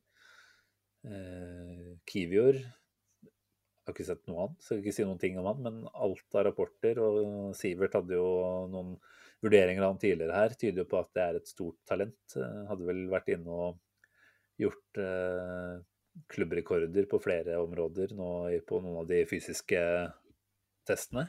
Eh, rett etter eh, oppstart. Sier jo også at en eh, Tomiyasu ikke nødvendigvis da er tiltenkt å være en backup på stoppeplassen i det hele tatt. Det er jo interessant med tanke på at han også da er potensielt på venstresida. Det tror jeg igjen tyder på at Tierney er på vei ut døra til sommeren. Mm. Eh, Leandro Trossard ser jo veldig spennende ut. Vi veit hva vi får, egentlig. Så jeg, jeg er godt fornøyd. Eh, veldig godt fornøyd med tanke på hva den spillergruppa skal kunne prestere nå de neste fire månedene.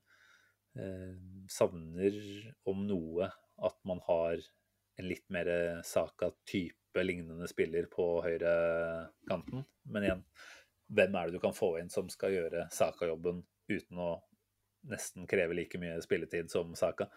Eh, vi får forhåpentligvis Reece Nelson tilbake, og en Martinelli kan over der. Og Fabio Viere kan løse den eh, posisjonen på en litt annen måte. Så den troppen vi har nå, den er jeg godt fornøyd med. Og ja, Edu kan vi godt stille noen spørsmål ved, altså. Eh, med tanke på omstendighetene rundt en del av de spillerne som vi har fått inn. Mye av det tilsier jo at det er Arteta som har hatt en større pull enn det Eh, edu, altså, som har gjort at ikke du nødvendigvis har trengt å skinne da, i noen av disse andre vanskeligere, mer eh, prominente overgangssagaene, så, så, har på en måte behovet for en sterk og dyktig Edu vært større.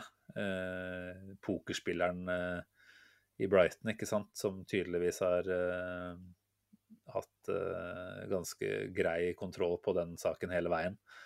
Mm. Eh, du har nok litt å lære. Det har vel du vært inne på tidligere også. At eh, det er en som ja. må akseptere at eh, Eller vi kanskje må akseptere at det ikke er en som er ferdig utlært, han heller. Men at det er forhåpentligvis ting han lærer av. Det tyder jo på at det vi gjorde i januar i fjor, som var ingenting, har vi lært av. Det er jo ikke dus lærdom bare, det, altså. Men det er en utvikling også på den fronten. Altså det ble ikke perfekt, dette her. Eh, men jeg tror ikke vi skal bruke januarvinduet som en unnskyldning dersom vi ikke går hele veien eh, og er så heldige, eller kommer oss inn til ligagull i, i mai. Eh, det, det, er ikke, det er ikke du sin feil, det, da. Nei, um, jeg tenker uh, Edu har jeg snakka så mye om på den poden her at uh, det blir nesten agendadrevet hvis jeg skal fortsette. og sånn sett, Så syns du tar, det, tar, den biten greit. Um, det er jo veldig vanskelig å skulle måle det vinduet her, uh, som alle vinduer. Også det er jo sånn at latsabbene, for å kalle det media, har jo driver og kårer overgangsvinner. Og det er jo selvfølgelig så går det for Chelsea. Det er jo, det er sånn hvis man kommer inn på et, uh, et bryllup eller en uh, litt større sosial tilstelning, så står det gjerne en sju-åtte kaker på bordet. Og den treetasjes bløtkaka hvor, uh, hvor hele Paris med Champs-Élysées og Eiffeltårnet i marsipan er fletta inn. Du ser at her har de flydd inn Trond Moi nesten for å få lage bløtkake. Og tenker at ja, den her ser jo den ser god ut. Men så tar man et bit, og så merker man at den kremen er sur. Den bløtkaka var ikke god i det hele tatt. Syltetøyet er eldgammelt og tørt og jævlig. Og der har vi alle vært. ikke sant? Alle har vært et sånt selskap hvor den gode bløtkaka frister mest. og Du tar et solid, stort stykke, og så kjenner du at ah, bakeren har, har ikke hatt så mye plan. Han har bare vært litt sånn som han musa i Hakkebakkeskogen. Han bare helt på med pepper. Eh, og det er jo da Todd Bowley, selvfølgelig. Eh, nå skal jeg ikke utbrodere noe mer, men det er litt poenget mitt. da, at eh, sånn som med Kivior og sånn, er veldig vanskelig for meg å skulle si noe om. Eh, hva Georginio kan utrette Jeg tror det er smart signering sånn på kort sikt. Eh, åpenbart ikke førstevalget. Uh, men jeg vet jo med ganske stor sikkerhet, og det gjør du òg, at uh, hadde vi fått Mudrik, så hadde vi heller hadde vi ikke fått Caicedo. Det er ikke sånn at, at vi hadde fått begge dem eh, i januar. Det hadde vært én eller den andre.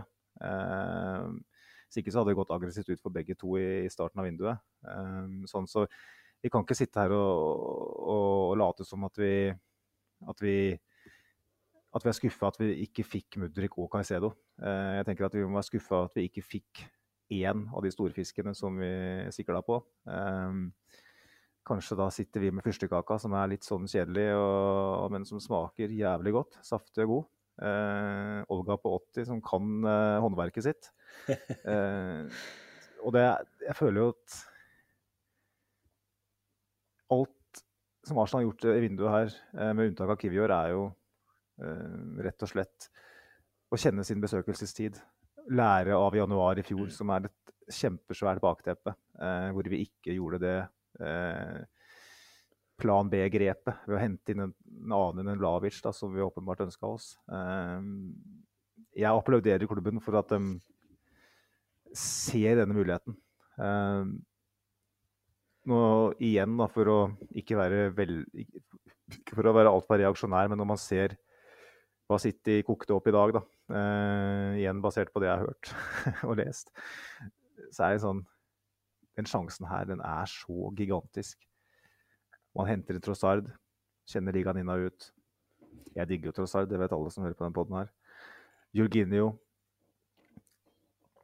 El Neni ganger 1000 nivåmessig. Uh, det kan vi ikke komme bort fra. Bare se på tallene. Eh, se på hva han har utretta i karrieren sin. Uh, han kommer til å være en solid tilvekst. Mm. Håper han ikke får spille altfor mye i Premier League, men det, det er jo bare for at Party er så utrolig god. Og så har du da en, en spiller som gjør at uh, Gabriel ikke må spille alt. Og da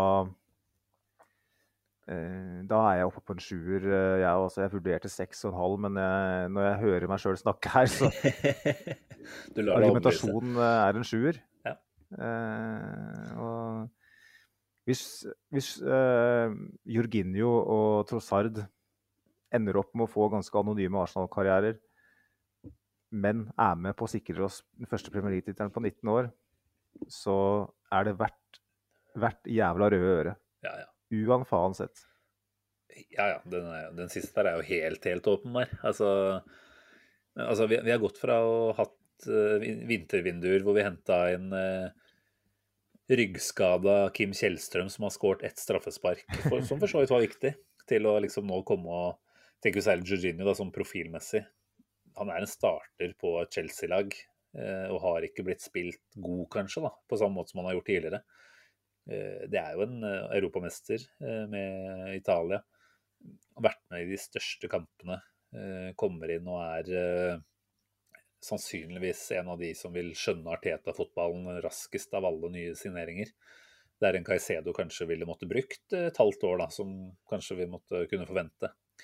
Så nei, jeg er eh, kjempefornøyd. Og syns du ja, til deg å være er ganske raus og positiv i den uh, verdisettinga der. Sju av ti, det må vi kunne akseptere. Og så må vi jo ta med vinduet som helhet òg. Altså, hva er det motstanderne våre har gjort? Uh, Mm. Med unntak av Chelsea, som åpenbart måtte bare ha kasta penger ut og henta store navn. Eh, de er ikke jeg så bekymra for, i hvert fall ikke på kort sikt, fordi de kommer ikke til en klubb som er prega av en eh, stor plan. Da. De kommer inn til en eh, ny eier som har lyst til å flekse økonomiske muskler. Eh, det er jo ganske tydelig i noen av de tilfellene der at treneren sannsynligvis ikke ville ha de omtrent. Eh, det var jo litt artig det at han ender opp med å bruke både Mount og Hakim Ziyech i den eh, kampen mot Fulham nå. altså en Ziyech som egentlig, Han var vel i Paris, til og med. Eh, mm. Det forteller meg at det er lite altså Dette må dra i samme retning, da, som vi absolutt føler at skjer i Arsenal. Det, det finner ikke sted på Stamford Bridge, så det er liksom greit. Mens også da City, som kvitter seg med det som har vært den mest spennende offensive bekken de siste tre-fire sesongene, egentlig, i ligaen omtrent. eh, gjør seg selv svakere totalt sett. Så får du arrestere meg hvis de har henta noe som ikke jeg har fått med meg. Men eh, det er vel en, eh, en argentinsk unggutt eller noe sånt som fikk noe plass på benken i dag, kunne jeg se på VG Live her i stad. Men utover det så er det ingenting, da. Så Arsenal sammenlignet med resten ser eh, på papiret sterkere ut. Og når vi da vet at her er det Artetas ønsker som har blitt eh, speila av det vi har gjort på overgangsfronten, selv om det kunne vært enda bedre også, så er jeg liksom trygg på at uh, summen av det gjør at Arsenal har blitt veldig mye mer styrka enn det uh, de umiddelbare konkurrentene har. Uh, så så det kanskje ikke sånn ut når Jorginho og Trossard kommer inn og ikke nødvendigvis har en så stor effekt som vi kunne ønske mot Everton, men jeg tror på på et halvt års sikt da, i løpet av det som skal skje eh, resten av sesongen nå, så kommer det her til å betale seg og vise seg veldig gode avtaler å være. Mm. Ja, godt oppsummert. Og um, det er jo en klubb som har en plan. Eh, veldig tydelig å se, og, det, og da, da, kan man senke skuldrene selv og um, se på andre som ikke har det. Eh, jeg, har bare lyst til å, jeg, jeg, vil ikke gjøre det her til en sånn Todd Bowley-pod, men um... Men Har ikke du annonsert tidligere, Magnus, at vi nesten i hver episode skal ha et litt sånn Todd Bowley-hjørne? Så vi... Jeg føler jo at den der bløtkakemonologen min uh, var et Todd Bowley-hjørne, da. Men jeg tenker på stakkars Umari Hutchinson, som uh, valgte å gå til Chelsea. Ja, så... Jævlig dum. Jeg vet ikke hvem rådgiveren hans er, en ung, ung gutt, stakkar. Og ender opp mm. med å, å, velge raske penger. Uh, Se for meg han har en eh, far eller en agent i øret som sier at ja, tenk om du blir skada, gutten min. Tenk om du blir sjuk. Du må ta de penga du kan få nå, så, for, sånn at jeg blir rik. Så jeg kan få en Merce. Uh, se hvordan Chelsea behandler spillerne sine. Mm. Bruker da hele deadline day på og, nede i mm, Portugal for å prøve å få Enzo Fernandes. Snakkes om at det var håndgemeng nærmest på styrerommet der og sånn. Ja. Tatt helt av. Og så glemmer de rett og slett å, å følge opp sine egne, de som på det tidspunktet tilhører Chelsea. Mm. En Hakim Ziyech hvor de sender papir, feil papirer tre ganger. Altså, hvordan får du til det? Ja, altså, greit hvis klokka er ti på ett, og du har fått liksom extenda, og så, og så får du en sånn liten trykkfeil i, i kontrakta, mm. så OK, eh, den kan du få passere. Men så, og så er det underkommunisert at det samme skjedde med Omari Hutchinson. Overgangen hans til West Bromwich gikk jo til helvete fordi at Chelsea ikke klarte å få orden Nei, på en låneovergang til West Bromwich. Så de har jo ikke orden på noe som helst. Så han er stuck på eh, reservelaget resten av sesongen, altså? Ja. Hva, hva, tenker, hva, tenker, de spillerne på feltet, da? Mm. De skal jo gå rundt til Hutchinson og Ziyech, da, som Aubameyang. Aubameyang, ikke minst, som blir eh, etter utelatt av Champions League-troppen. Det her må jo bare bli giftig. Mm. Det her det er, det er, så useriøst at det, det at, at, pressen forsøker å, å fortelle oss at, at, at Todd Bowley har en plan, det syns jeg bare er Det er så trist. Hvor mye har han betalt pressen for å si det? Altså, nå sa du jo, David Ornstein er jo kanskje den sikreste kilden i, i eh, i alle fall var han det i uh, Premier League. Uh, han sa jo at under VM-finalen så satt Todd Bowley og så på kampen uh, sammen med andre representanter fra uh, Clearlake, eller hva det heter, den Hedgefondet. banken han eier. Ja. Og så idet Enzo Fernandes da ble bytta ut, så sier han til, til rekrutteringsteamet sitt at Get me that man.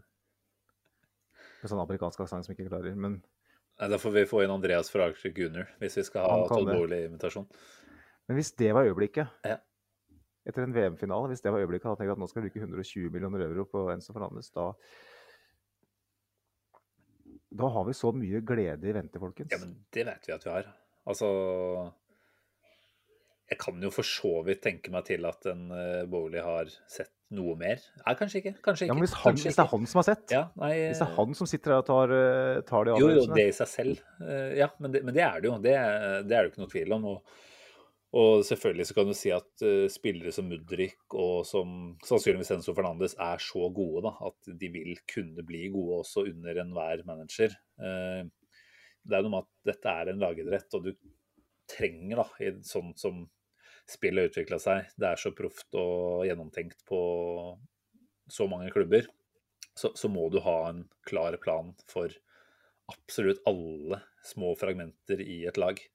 Eh, mm. Og der er jo Chelsea helt åpenbart veldig langt unna fortsatt. Så det er klart, har de kjempetreff med neste manageransettelse og rett og slett flakser seg til riktig type der, så kan det selvfølgelig bli noe bra av det etter hvert, da. Men, eh, men, eh, men, da er det jo mer nesten flyt. Og jeg er jo veldig interessert i å se at det imploderer nå de neste ukene og månedene med en muggen spillergruppe. Altså en, Arteta, nei, en Aubameyang som har vært ute og kritisert Arteta for å Han var vel ikke ute, han satt på et hotellrom for å ikke kunne håndtere de, de store navnene og store personlighetene.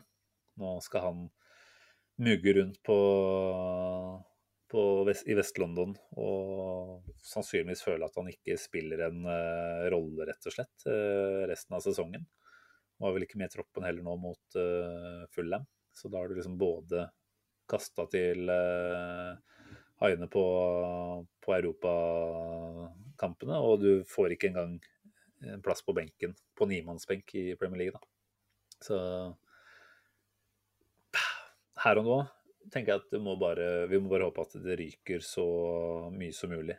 Sånn at uh, fremtiden også blir uh, eh, prega av det. Da. Men uh, der du måtte si at hva er planen? Det er ikke noen plan. Eh, den eneste tingen du kan si, er at de henter unge spillere som kommer til å være gode. Eh, isolert sett, i hvert fall. Eh, hver for seg i mange år framover. Så er jo spørsmålet hvor godt de kommer til å fungere i en enhet, da. Men hva, hva, hva, er poenget med det akademiet, da, som du mener er blant det beste i verden? Hvis du bruker seks milliarder på seks måneder på unge spillere? Det er klart du lukker mange dører. Du gjør det. Mm. Det, er, det, er, det gir ikke noe mening. Jeg vet ikke akkurat hvordan det hvis, hvis, du, hvis, du bare skal satse, hvis du skal satse på å bygge et lag med unge spillere, eh, og du har et så godt akademi, som åpenbart også har kjempegode kontakter inn i fotballverdenen, som kan hente de mm. som er et par år yngre, hva er poenget? Jeg, jeg, jeg, altså, nei, det her det kommer jeg ikke til å forstå uh, før de står der med den Champions League-tittelen og jeg sitter og banker hodet mitt med en murvegg for at uh, jeg da er uh, Men det er kanskje nettopp det, da. Altså, kanskje det er mer sånn altså, et lag som kan prestere godt i enkeltkamper kontra en hel sesong, da. kanskje Europa er Nå er du i Champions League. det skal jo mye til, selvfølgelig, for at de går hele veien der. men såpass langt bak i ligaen som de er. Det kan hende at de har sett seg ut i Champions League, de også. Som muligheten til, eh, til de store pengene også neste sesong. Eh, det er klart, det er jo et eh, regnestykke som skal gå i hop òg. Det er vel ikke så langt unna å gå til helvete, det, hvis ikke de er i Champions League neste år. Nei, de har jo satsa på De har jo et, budsjettert med at de skal klare topp fire. Og det er jo i seg selv helt utrolig. Og leste jo nå slutten av forrige uke, da blir det, eh, at eh, nå har søkt om eh, litt goodwill fra, fra Fotballforbundet når det gjelder Eller Uefa blir det vel, da, i forbindelse med det eh, pengebruken. Mm. Eh, fordi at de har jo åpenbart tapt mer enn det som er lov eh, i henhold til Financial Fair Play. de viser da til at de hadde tre måneder der hvor uh, eiersituasjonen var uh, uavklart, så de mm. ikke hadde inntekter. Du har ganske dårlig kort på hånden da når du går og bruker seks milliarder på seks måneder etterpå. Ja, ja. Nei, du har frekkhetens, frekkhetens eh, nådegave òg, når du faktisk, altså hvis dette stemmer, sender en sånn forespørsel. Det er, ja, det gjør sikkert det. Det er helt, helt utrolig.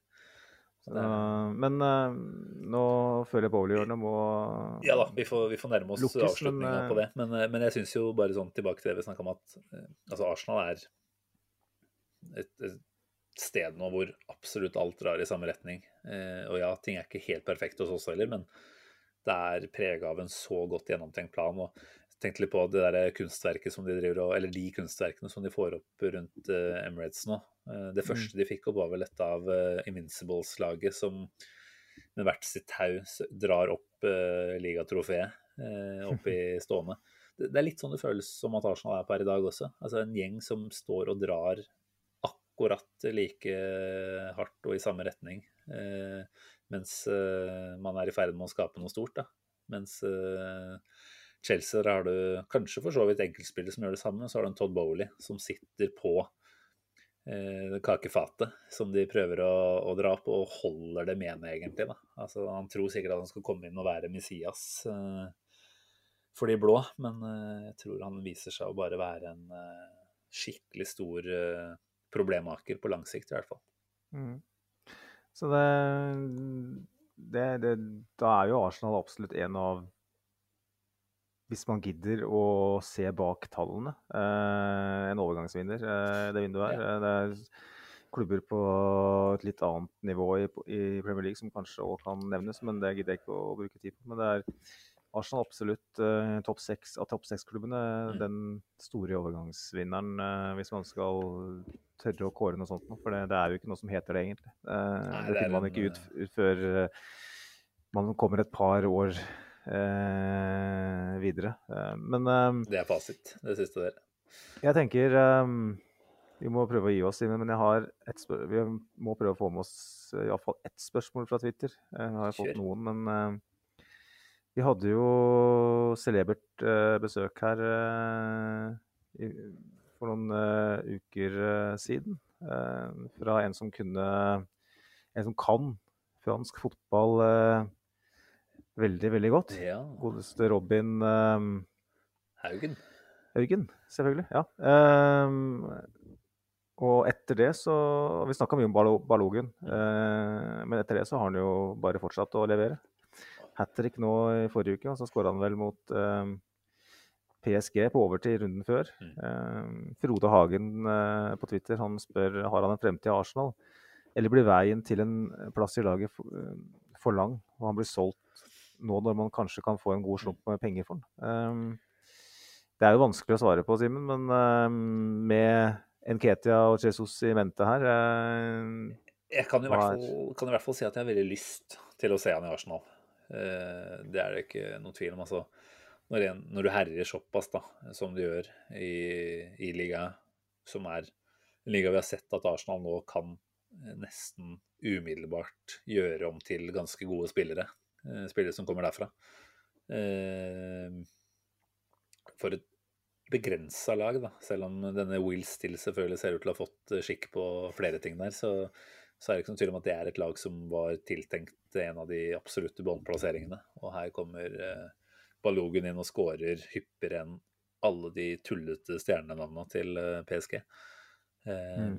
Og som du sier, Robin Haugen hadde jo en ganske breial uh, ting å komme med der. Og det er jo at uh, Enketia, uh, som da er to år eldre, da, Balogun sammenlignet med han, så er Balogun med de, kall det to år ekstra i Arsenal og tilvenning til Arteta-fotball og alt dette her, lenger framme om to år enn det, Arteta, enn det Enketia er per i dag. Jeg vil, jo føle meg litt snytt hvis ikke vi får se eh, Balogun virkelig blitt en sjanse i Arsenal. Og med Champions League-fotball neste sesong, eh, og etter hvert et Champions League-format som kommer til å by på enda flere kamper, eh, så tenker jeg at eh, det er rom for en tredje spiss. Eh, downsiden der er jo selvfølgelig at eh, jo bedre Balogun gjør det nå, jo mer vil han forvente sannsynligvis når han kommer tilbake igjen. Eh, mm. prisen hans vil være på en all time high etter å ha herja i ligaen. Hvis han kommer tilbake til Arsenal og blir en mer marginal spiller, jo, som han nesten må bli, så, så vil den prisen også selvfølgelig kunne, kunne slashes med noen millioner pund etter hvert. Da. Men eh, det blir vanskelig å sitte her og se at han herjer i ligaen, og tenke at han ikke skal kunne gjøre det eh, også bra i, i Arsenal-drakta. Så jeg, vil jo absolutt ha at uh, han får den sjansen, om det er uh, en sesong. da. Og så får man jo se hva, hvordan ting ser ut etter det.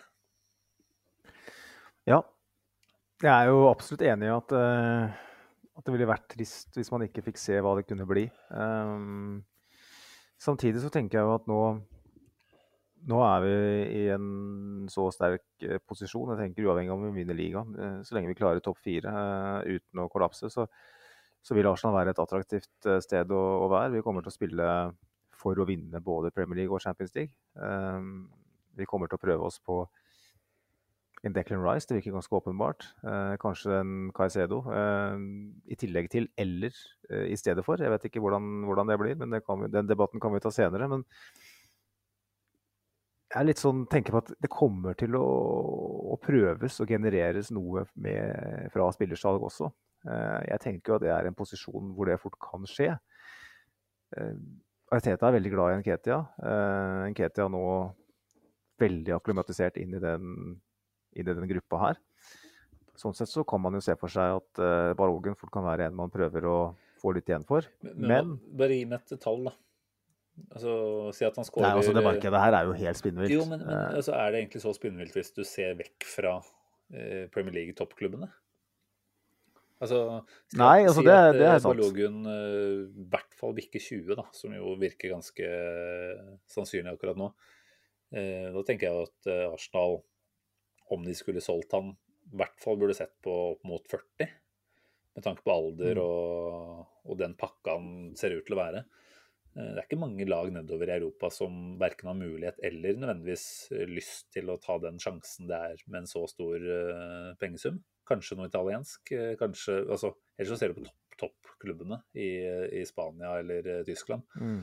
Eh, altså en Dortmund kanskje, jeg vet ikke om de hadde hatt de pengene. Men altså, er Chelsea, er Liverpool, er eh, eventuelt United, Tottenham uh, ja, kanskje, kanskje, Newcastle, for alt jeg vet. Er de villige til å bla opp 40-50 eh, for en Ballogen?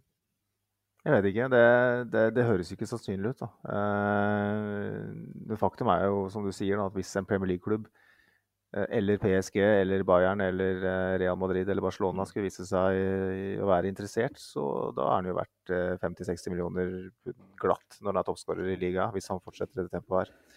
Um, husker hva vi betalte for Nicolas Pepe back in the days. Husker hva United betalte for Anthony. Uh, hva Mudrik gikk for det finnes solide argumenter for at Balogun er da en uh, minimum 60-70 millioner punds-spiller. Uh, uh, sånn som markedet har utvikla seg. Men det er som du sier, da. Hvem er det som forsøker å kjøpe den? Er det, er det Lazio, er det um, Real Sociedad, eller er det Liverpool eller Bayern München, liksom? Så det avgjør jo veldig mye. og det kan jo si noe om kvaliteten på spilleren, hva slags type det er og sånn. Men et annet poeng, da. Spørsmål til deg, da. Vanskelig spørsmål til deg. Ja. Du får 35 millioner for Enketia. Altså du får tilbud fra en eller annen klubb. Eller du får 35 millioner for Balogen til sommeren. Hvilken sier du først ja til? Den er vanskelig, Simen. Ehm, jeg har tidligere sagt i den poden her at ehm, jeg mistenker at Nketia fort spiller for uh, kontrakt et annet sted denne sesongen her. Rett og slett fordi at det jeg har sett av Nketia eh, siste året, det er en spiller som trenger å være varm i trøya. Det er ikke en spiller som tåler å sitte på benken eh, over lang tid og komme inn i 20 minutter her og der. Da faller han nesten gjennom.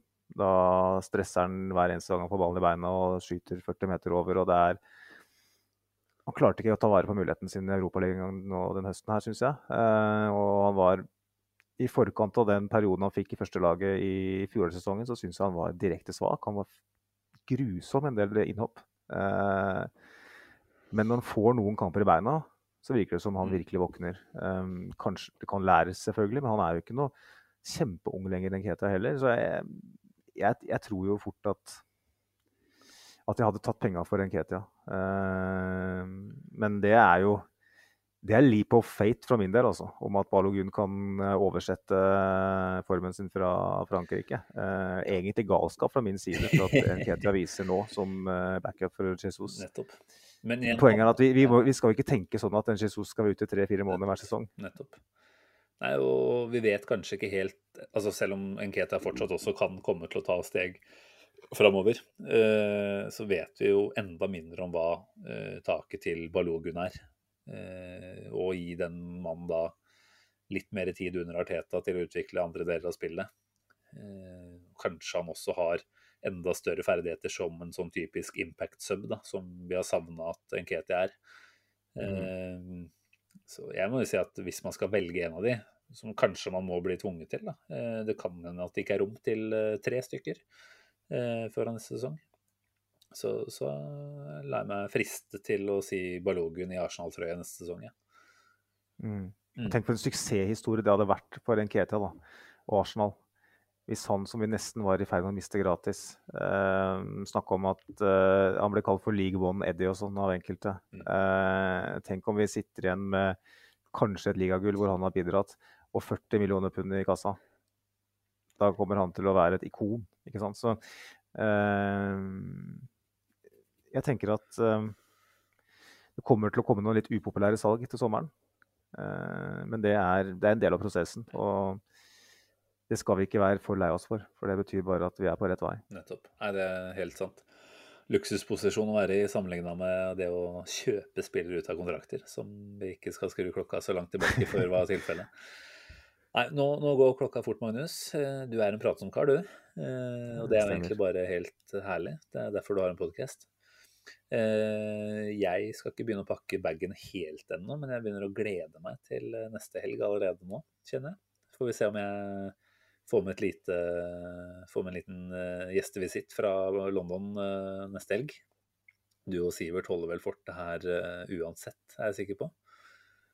Det blir eh, samme tid, samme sted, det, vet du. Eh, veldig hyggelig om vi får noen eh, tanker fra gryta. Men eh, det skal ikke følge presset. Vi skal eh, levere deilig oppsummering av eh, tre poeng mot Brentford. Ja, så jeg skal på jeg skal på tur med lillebror som fyller 15 den helga der. Så jeg kommer jo ikke til å være like utagerende som du og jeg har vært, f.eks. Eh, på tur. Det håper jeg ikke. Nei, Det håper ikke jeg heller. Eh, skal tidlig krøkes alt det der, men eh, akkurat bikka 15 og skal få lov til å ta det litt rolig. Så det blir en ganske, ganske snill helg totalt sett. Vi skal faktisk starte den lørdagen med matchday tour på Emirates. Jeg har aldri vært på sånn eh, stadionomvisning der ennå, så gleder meg til det også. Den der, fint, altså. lørdagen blir sånn virkelig Arsenal-nerdedrømmen. Starte tidlig og bare puste inn Arsenal-land eh, hele dagen. Oh, Dra tidlig på pub er vel uh, Det får dere kanskje ikke til da, men uh, hvis dere skal inn et sted hvor det serveres noe annet enn uh, brus og boller, så er det visst veldig vanskelig å komme inn på puber om dagen, for det er så mye folk. Så Men uansett, vi setter pris på en, en stemningsrapport på Twitteren vår, hvis du får til det. Det må vi kunne få til. Så skal jo Sivert over på City på midtuka, så nå kommer jo Arsenal Station til å levere en del eh, oppdateringer fra der det skjer. Så stakkars tobarnsfaren sitter hjemme og har sterke abstinenser. Sånn er det. Du har vel snart booka både fly og hotell og uh, sånt til slutten av mai, du har du ikke det? Så du får en da? Vi jobber med saken. Men med saken. Eh, hvis det er noen snille lyttere som har en billett til hjemmekamp på Wolverhampton, så til under 5000 kroner, så ta gjerne kontakt. Det er lov å håpe. Det er lov å håpe. Ja. Ja. Nei, men eh, takk for praten, Magnus. Vi, vi, snakkes nok til helga, vi. Gjør det, vet du. God, god, tur. Takk for det. Eh, takk for det. Og nei, jeg gleder meg. Jeg gleder meg skikkelig. Det er et år siden sist, og det, det er litt for sjeldent, så uh. Arsenal, uh. Det, er, det, er, det er noe å leve for, rett og slett. Er det? Takk for uh, praten. Uh, du som lytter uh, er vi som alltid glad for å ha med, så bare fortsett å logge inn her og, gi oss en lytt. Og gi oss gjerne også en like på ja, hva er det? Twitter, Facebook. Follow på Twitter. Har vi, der har det jo vokst ganske mye sist tid, etter at Sivert tok ansvar med å, å, å bønnfalle om at folk gikk inn og starta egen Twitter-konto etter hvert og følge oss. Så gjør gjerne det flere òg. Er det bare, bare sånne nye 2023-kontoer som følger oss nå? Ja. Bare båt. Nei, nei, det er stort. Stor idrett. Uh, Sivert uh, har uh, Ja, han, han, når ut til den yngre garde, han, så det hjelper, det. Gamlingen som sitter her og, og pjatter. Vi, vi, trenger litt ungt drivstoff også.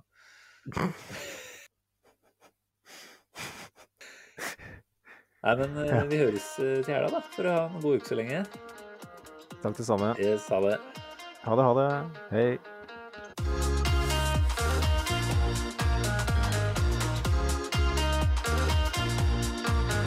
Train terminates here.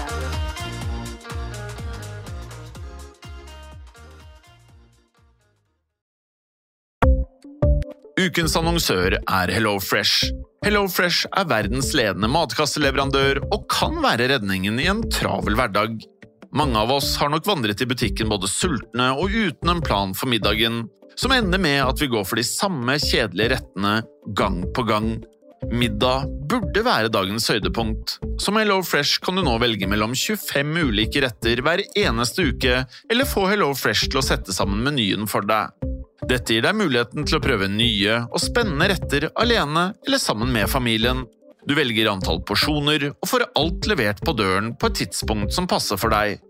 Oppskriftene er enkle, og maten er lett å lage både for store og for små. Ved å få alt levert hjem får du også mer tid til å dele matgleden med familie og venner. Kanskje det frister med asiatiske tacos eller greskinspirert kylling? Da kan jeg anbefale deg om å gå inn på hellofresh.no. Her kan du bruke koden FOTBALL og få opptil 1779 kroner i rabatt på de første fem matkastene hvis du ikke har prøvd HelloFresh tidligere. Du kan også bruke rabatten hvis du har vært kunde og stoppet abonnementet ditt for tolv måneder siden eller lengre. Gå inn på hellofresh.no og bruk koden FOTBALL. Har du et enkeltpersonforetak eller en liten bedrift? Da er du sikkert lei av å høre meg snakke om hvor enkelt det er med kvitteringer og bilag i fiken, så vi eh, gir oss her, vi. Fordi vi liker enkelt. Fiken superenkelt regnskap.